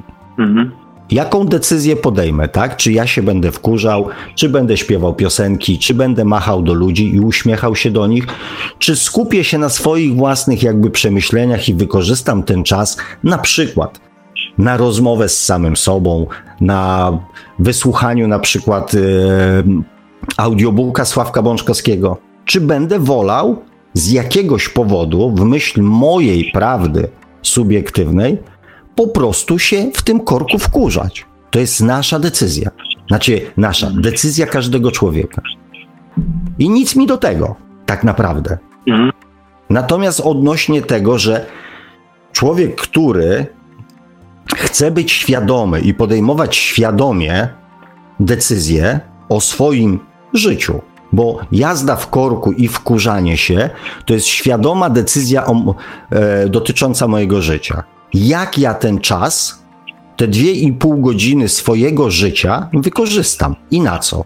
I pytanie, czy jestem w stanie podjąć taką decyzję i czy jestem w stanie tą decyzję wcielić w życie, że wsiadam do samochodu i mówię, będę słuchał y, audiobooka Sławka Bączkowskiego dzisiaj.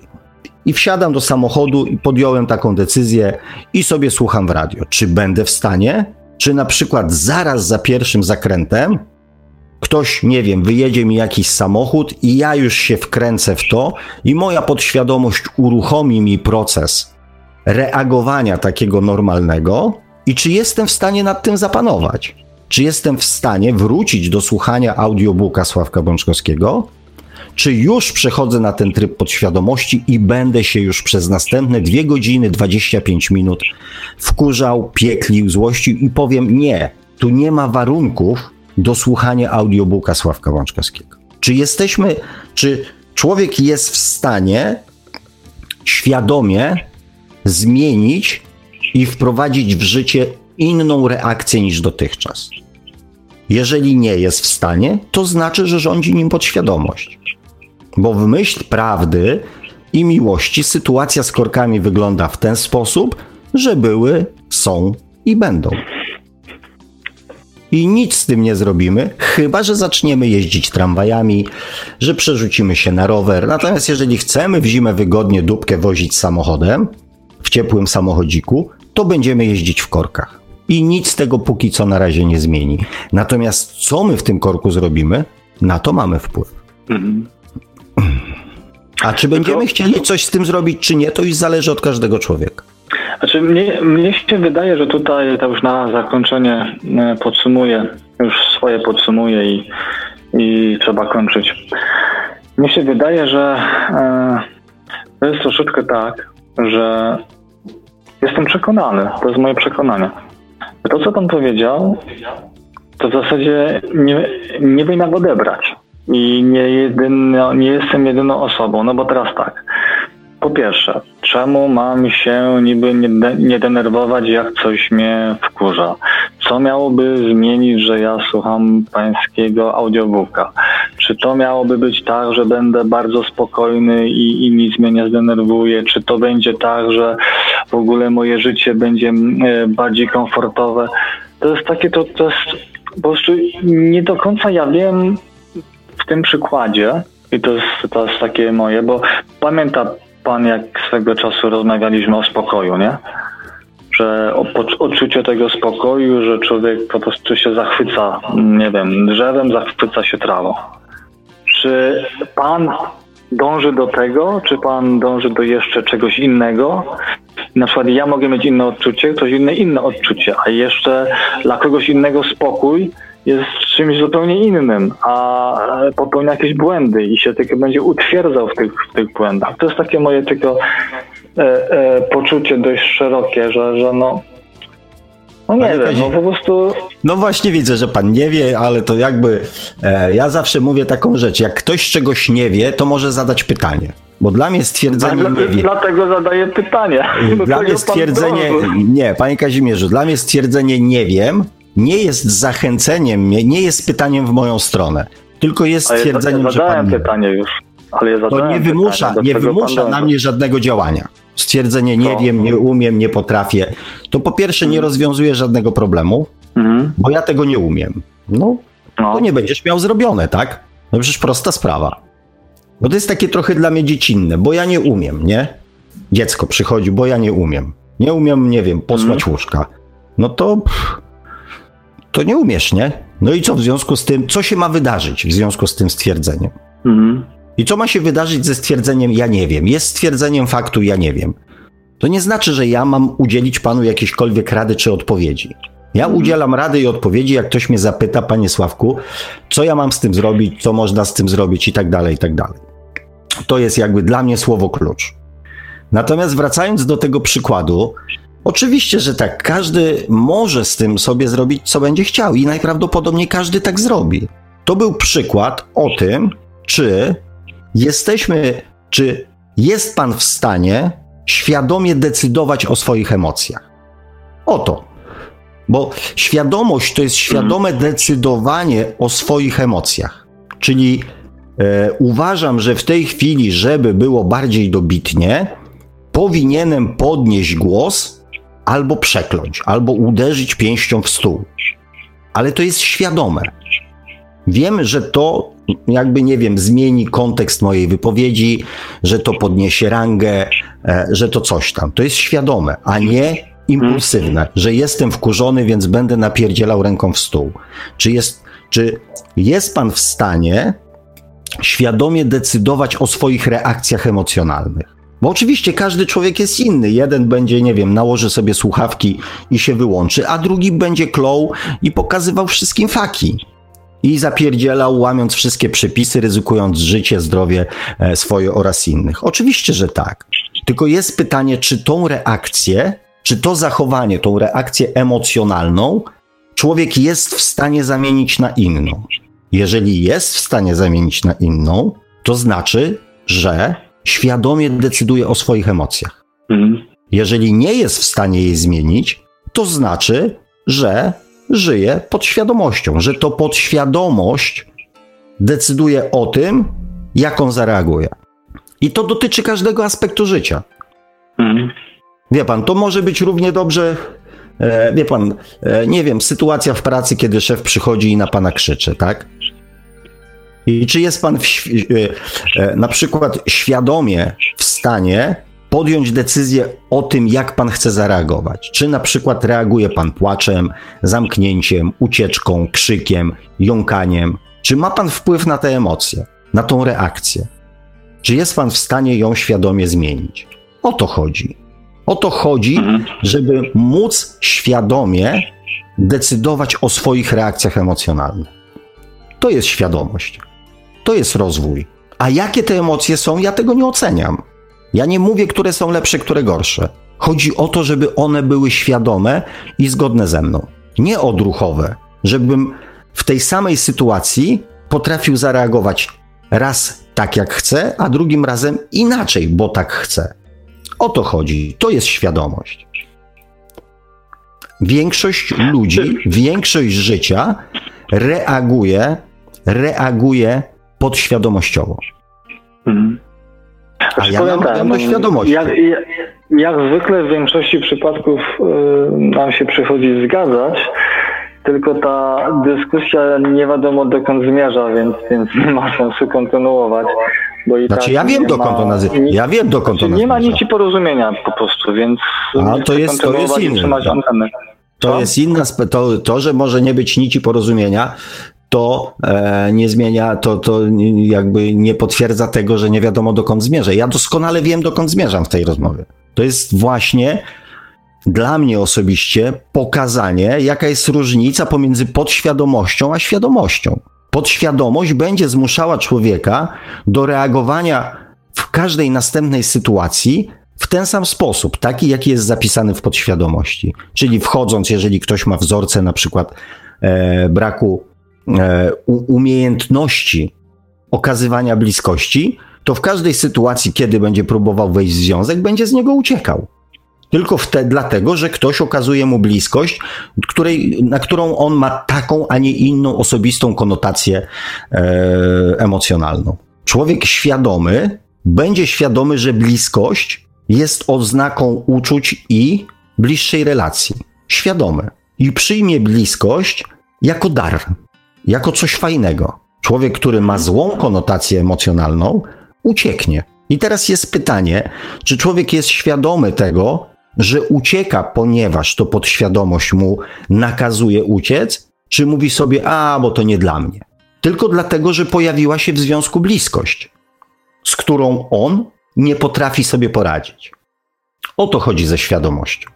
Żeby móc odbierać rzeczy, sytuacje, zachowania, emocje ludzi w sposób obiektywny.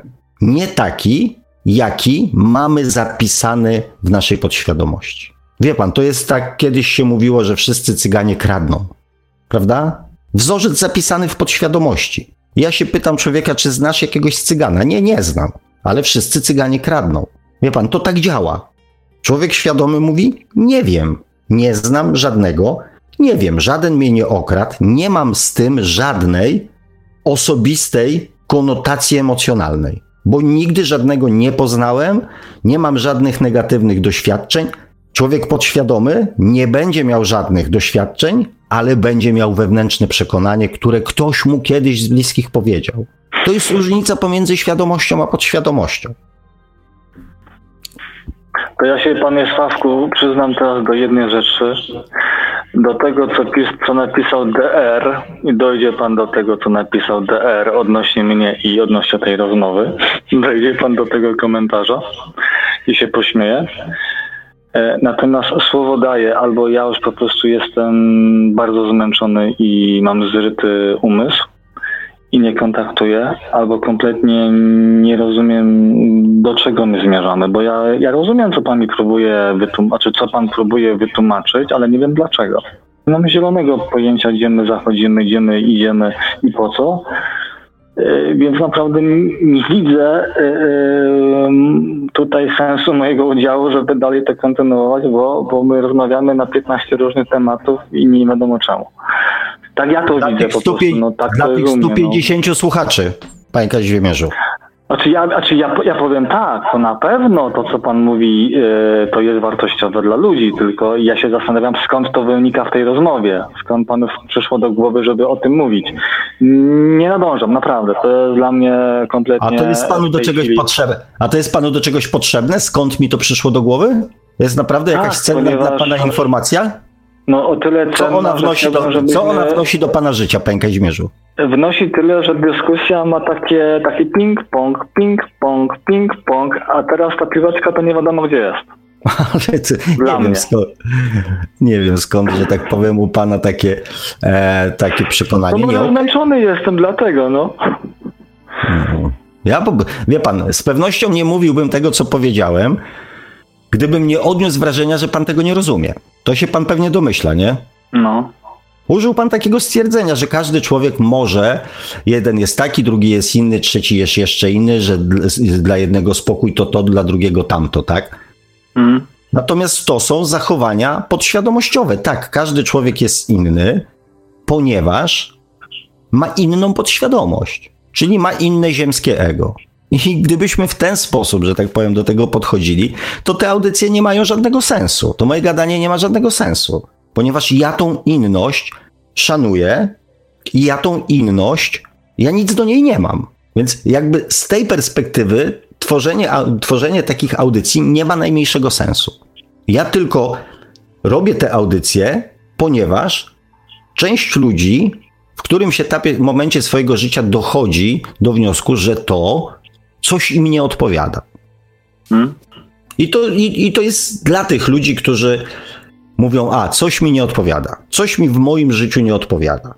To ja mówię, ma prawo ci nie odpowiadać. Problem jest, tkwi tu, w tym i w tym miejscu, i jeżeli chcesz to swoje życie jakoś zmienić, to musisz w tym miejscu zagrzebać, zastanowić się i znaleźć powód, dlaczego bliskość powoduje w tobie takie, a nie inne reakcje. Czy jesteś w stanie tą reakcję na bliskość zmienić? Czy jesteś w stanie potraktować ją z całą dobrocią, jaką bliskość daje?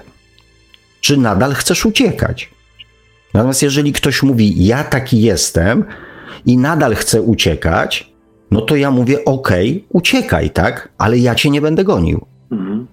No dobrze, ale to jak już mam tak być szczery, mi właśnie brakuje mi rozwiązania, mnie brakuje rozwiązania, bo ja, ja wie pan, wiele, o wielu rzeczach pan mówi, które tam ja już wiem, ja to rozumiem i, i tam rozwiązanie znam, nie? Ale o wielu rzeczach pan takich, z tych, znaczy z tych rzeczy, tam pan, no, pan nie daje często, często pan zatrzymuje się właśnie na tym, że powinieneś się zastanowić nad tym, yy, czemu uciekasz to myślę, że każdy, większość osób wie dlaczego, że się, znaczy no inaczej, no dobra, część osób nie będzie wiedzieć, że powinno się nad tym zastanowić, tylko no co zrobić, żeby się zastanowić, jak dojść do tego dlaczego, co jest tą przyczyną, jak do tego dojść, jaka jest do tego droga. Mhm. Tak, tak ja tak postrzegam, że mi brakuje tego sedna, bo to to jest w pewnym sensie jak jak, jak, jak e, człowiek tak, no nie wiem, jak, jak, jak, jak to nazwać, jakby mówić, co się powinno zrobić, a nie za bardzo jak. A nikt nie wie i tak jak. Jak to? Przecież ja mówię, jak to trzeba zrobić. Rzadko słyszę. O, okej, okay, to, to zrobimy tak. Teraz w komentarzach, nie, nie, niekoniecznie na czacie, może być na YouTubie. Niech sami się użytkownicy też wypowiedzą, czy tylko ja mam takie wrażenie. Bo mi tego brakuje na, na przykład, że dlatego też staram, starałem się trochę wtrącać, nie? Panie Kazimierzu, co można więcej powiedzieć, jeżeli ja mówię, że wszystkie nasze problemy tkwią nie w naszej podświ podświadomości, tak? W naszej podświadomości. Ojej. Nie w duszy, Ojej. tylko w naszej podświadomości. To jest jedna informacja. Pokazuje dokładnie Myślę, miejsce. Kolejne. Pokazuje dokładnie miejsce, na którym trzeba się skupić. Mówię następną hmm. rzecz. Nikt do tej podświadomości nie dotrze. Oprócz nas samych. No. Hmm. Więc ja nie mogę w pana podświadomości nic zagrzebać. Znaczy, mogę, ale musi pan przyjść do mnie na hipnozę. Ja wtedy w pana podświadomości zagrzebię. To jest dla mnie jedyna, że tak powiem, jakby metoda, tak? A czy dowiadujemy się, się, że pan coś do, nowego umie? Do, e, do, no, trzeba słuchać audycji, panie Kazimierzu. Przecież To może to mówiłem nie słyszałem. No właśnie widzę, że pan nie słyszał, bo przecież tak, oczywiście, że mam ukończone papiery hipnotyzera. E, mało tego, podaję metody. Na przykład bardzo skuteczną metodą jest metoda autohipnozy. Imię, nazwisko, link. Bardzo prosta metoda. Bardzo prosta metoda usiąść i w spokoju posłuchać samego siebie. Mhm. Pozwolić, żeby te emocje, które nas blokują, wypłynęły. Czego ja nie mówię? Mhm. Zrobił pan chociaż raz autohipnozę? Robiłem swego czasu. No, no to proszę ją robić codziennie. I wtedy to, co Eee. powiedziałem dwie audycje, dwie audycje temu, panie Kazimierzu, przez to wszystko, co ja powiedziałem, co zrobić, to prosiłem, sprawdźcie mnie. Popróbujcie tych metod i powiedzcie, że nie działają. A tu jest cały czas właśnie takie, albo ja nie wiem, albo ja nie wiem, ale przecież ja to wyraźnie mówię. Przecież ja to wyraźnie mówię. Więc sprawdźcie mnie. Przejdźcie od gadania do działania. Mhm. I powiedzcie mi nie, tego próbowałem, nie działa, tego próbowałem, nie działa, oddychanie jest do dupy, autohipnoza jest do dupy, medytacje mm, są do dupy, tak, wizualizacje są do dupy, nic nie działa. No powiem ok, no to zastanówmy się nad inną metodą, tak? Ale najpierw niech pan spróbuje chociaż jednej. Ja nie będę wymyślał 700 metod, jak komuś nie chce się spróbować ani jednej. To naprawdę nie ma znaczenia, czy on nie spróbuje 700 metod, czy nie spróbuje żadnej. Znaczy wie pan, panie Sławku, widzę, że naprawdę nam ta rozmowa źle idzie, ponieważ A mi dobrze. e, a, a mnie źle, ponieważ Okej. cały czas czuję, że pan się do mnie odnosi, że czegoś nie próbuję, czegoś nie robię, e, a ja wskazuję Ale przecież sam pan rzeczy, powiedział, które- panie Kazimierzu, że nie, nie podaje metod, jak to zrobić. Że co zrobić, ale nie podaje Ale, jak. ale ja Więc nie powiedziałem, że ja, że, że ja ich potrzebuję. Właśnie to jest to, że ja Ale nie, nie, powiedziałem, że Kazimierzu. potrzebuję i ja nie Bo- widzę tych metod. Postawił pan jasny, jasny zarzut, Tak. że mówię Mhm. o tym, co, a nie mówię jak. Więc przypomniałem No. panu o metodach, o których mówiłem w audycjach i nawet Mhm. niedawno prosiłem, żeby mnie sprawdzić. Mhm. Więc jakby pana stwierdzenie, że nie mówię jak, jest niezgodne z prawdą. Więc w imię prawdy panu odpowiedziałem Mhm. na pana jakby stwierdzenie. Nawet nie w imię obrony samego siebie, tylko w imię prawdy. Mhm. Znaczy, widzi pan, to, y, że pan, że pamiętam, że pan podawał chyba nawet dwie, czy dwa, trzy narzędzia różne. Tylko ja się odnoszę bardziej do audycji, w sensie, że pan to podawał w którejś dawnej audycji, w innej, jeszcze w innej. Ja, mm, wie pan, ja, to nie jest z mojej strony, że ja cokolwiek, nie wiem, zarzucam, cisnę panu, czy nie wiem, próbuję tutaj jakieś awantury robić, nie? E, tylko staram się tylko wska- wskazać, że jeżeli się na jakiś temat ja słucham, to, mi, to ja tylko wskazuję, że kiedy usłyszałem o jakimś temacie, to mi brakuje rozwiązania. To tylko tyle chciałem wskazać, że mi w tym momencie brakuje te, tego rozwiązania. Chociażby ktoś komuś może minąć jakieś tam 50 audycja czy 80, nie każdy słucha każdej po kolei. No ale tyle, tyle. to- nie będziemy tego Panie Kazimierzu, to ja dam, co. da, ja- jak rzadko daję rady, jak rzadko daję rady, e, to może nie radę, tylko prośbę będę miał do pana. Mhm.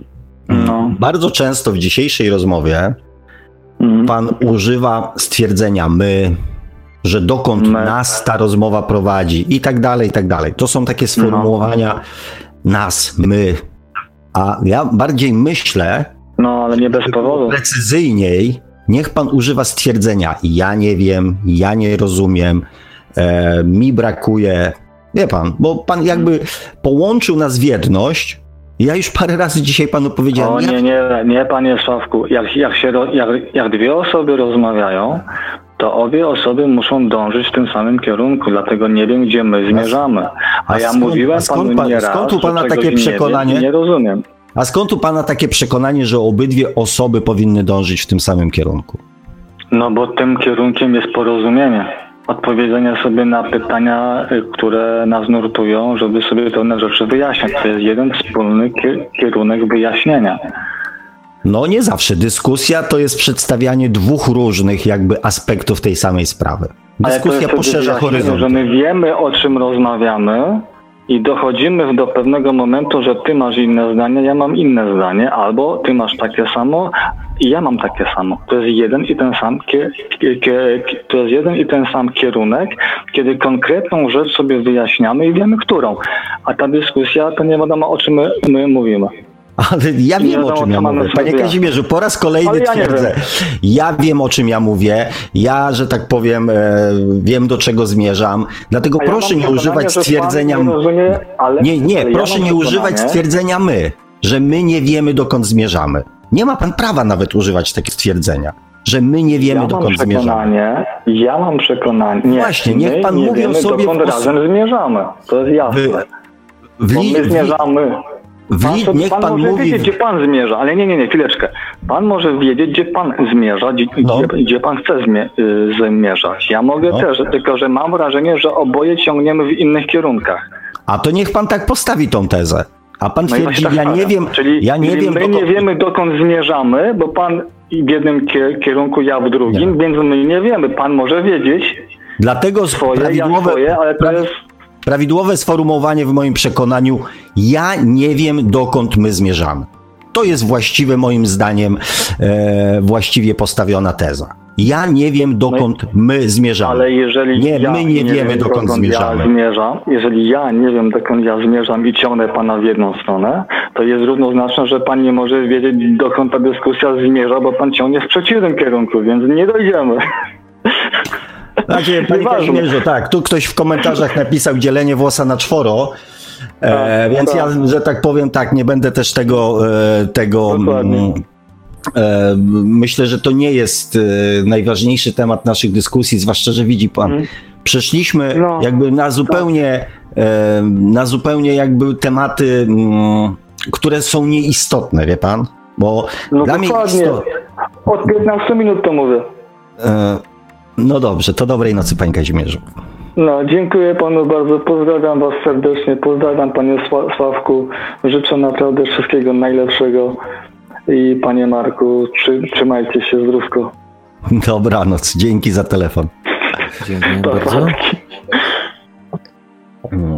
No i tak nam wybiła godzina 23. E, a ponieważ... E, a ponieważ Wybiła nam godzina 23. Komentarze na szczęście jest już nie, znaczy na szczęście. Na szczęście o tyle, że, e, że nie będziemy już e, przedłużać, nie będę przedłużał tej audycji, bo tu się Hanka jeszcze pojawiła. E, właśnie o tutaj napisane dzielenie włosa na czworo. E, Łukasz napisał, parafrazując popularny kabaret, ależ gadka pod górę. PS jest dobrze, tak czasami musi być. E, DR napisał mm, pozdrowienia. E, Hanka napisała dokładnie, ale czasami trzeba tego wysłuchać. I jest takie pytanie, a czy istnieje e, prawda obiektywna? Mm. No więc właśnie, e, Łukasz napisał, że prawda jest zawsze obiektywna. Mm. I ja też o tym mówię, tak? O właśnie o tej prawdzie obiektywnej. Oczywiście powtórzę to, bo też w rozmowie z panem Kazimierzem, każdy z nas tak ma swoją prawdę subiektywną. W naszej podświadomości, w każdej podświadomości każdego człowieka jest zapisana prawda subiektywna. Czyli pewne bardzo głęboko zakopane przekonania, że właśnie to ja mam rację, że właśnie to ja wiem, jak powinno coś być zrobione, że właśnie to, co mówię, jest właściwe. Także tak, to jest również nasza prawda e, subiektywna, no ale już o ten temat, e, na ten temat było sporo, więc w poprzednich audycjach. E, DR. Mm, mm. E, Hanka pisze, ja mam wątpliwości co do tej obiektywności w moim pojęciu. Jest odniesienie się do jakiejś informacji i to zawsze jest e, subiektywne. Kochani, jest to, co ja powiedziałem dzisiaj w audycji parę razy. Subiektywne jest wtedy, jeżeli mamy z tym naszą osobistą konotację emocjonalną. Wtedy zaczyna to być subiektywne. Natomiast można, i w zasadzie tak się powinno robić, żeby oceniać czy podejmować decyzje, które są pozbawione zabarwień emocjonalnych. Wtedy prawda jest prawdą. ale myślę, że do tego tematu wrócę w następnej audycji. Mm, chociaż Mati pisze, że prawda nie istnieje. Mm. E, natomiast e, napisała Hanka, że ja też poproszę gotową receptę na szczęście. E, przygotowywuję z pewnością, z pewnością się z wami nią podzielę, jak już będzie gotowa. I jeszcze ostatni komentarz, teraz to już dzielenie włosa na dziesięcioro. E, kochani, jakby trochę tak, przepraszam za tą końcówkę tej rozmowy, ale to też myślę, że e, to w jakiś sposób przełoży się na, mm, na nasze następne rozmowy z panem Kazimierzem. E, przynajmniej tak, takie mam głębokie przekonanie, że. Mm, że też Wam przyoszczędzimy następnym razem właśnie tych informacji, które nie do końca e, muszą Was interesować i bardziej będziemy w stanie skupić się obydwaj e, na sednie, na, na, na meritum sprawy. E, natomiast tak, no trochę tutaj żeśmy sobie mm, z panem Kazimierzem popłynęli. Na szczęście nie trwało to zbyt długo, mam nadzieję. E, no i tyle. I tyle. E, kochani, godzina 23. E, znowu się zrobiło długo, także idźcie spać, odpoczywajcie, bądź róbcie jakieś inne fajne, przyjemne rzeczy. Ja czuję na tą chwilę wyraźną potrzebę właśnie powiedzenia trochę więcej o tej prawdzie. I być może, jeżeli nic się nie wydarzy innego w międzyczasie, do czego Was serdecznie zapraszam, do podrzucania tematów, E, to być może taki właśnie będzie mm, następny temat rozmowy. A może będzie coś już o technikach. Zobaczymy. Czas pokaże. Życzę, życzę Wam oczywiście, dziękując za dzisiaj, życzę Wam wszystkiego dobrego. Są jeszcze wakacje, korzystajcie e, z tego, kto może urlopów, wakacji, odpoczynku, radości, szczęścia e, i miłości życzę Wam z całego serca. I do usłyszenia za tydzień. Mam nadzieję, że E, w dobrych nastrojach i w, w, w, z nowym zapałem będziemy kontynuować nasze mm, rozważania na temat świadomości. Dziękuję panie Marku. Dobrej nocy wszystkim życzę. Trzymajcie się cieplutko. Pa, pa. Dziękuję panie Sławku. Mówił te słowa do państwa przed chwilą gospodarz audycji Świat oczami duszy, pan Sławek Bączkowski. Tradycyjnie, nieustająco zachęcamy do zasubskrybowania kanału Pana Sławka na YouTube o tytule takim samym jak nasza audycja, czyli Świat oczami duszy. No i zachęcamy także do sięgnięcia po książkę Pana Sławka, czy można oszukać przeznaczenie, czyli po co człowiekowi dusza. E, książka dostępna jest oczywiście w wersjach drukowanej, elektronicznej i od niedawna również jako audiobook. Tak więc w, we wszystkich chyba możliwych w dzisiejszych czasach formach E, zachęcamy do e, sięgnięcia po tą niezwykle ciekawą lekturę, niezwykle ciekawą i wartościową również.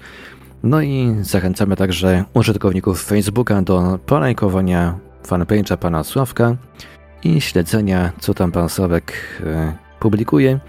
A dzisiaj już kończymy powolutku. To była audycja Świat oczami duszy, odcinek nie wiem, nie pamiętam, który chyba 122 czy 120... 124. 124. No proszę. Jak ten czas leci? 124 odcinek audycji Świat oczami duszy. Czas już powolutku kończyć. Audycję jak zawsze od technicznie obsługiwał Marek Sękiewelius, Radio Paranormalium, Paranormalny Głos w Twoim domu. Dziękujemy za uwagę, dobranoc i do usłyszenia ponownie oczywiście już za tydzień na żywo o 20 na antenie Radia Paranormalium. Produkcja i realizacja Radio Paranormalium. Www.paranormalium.pl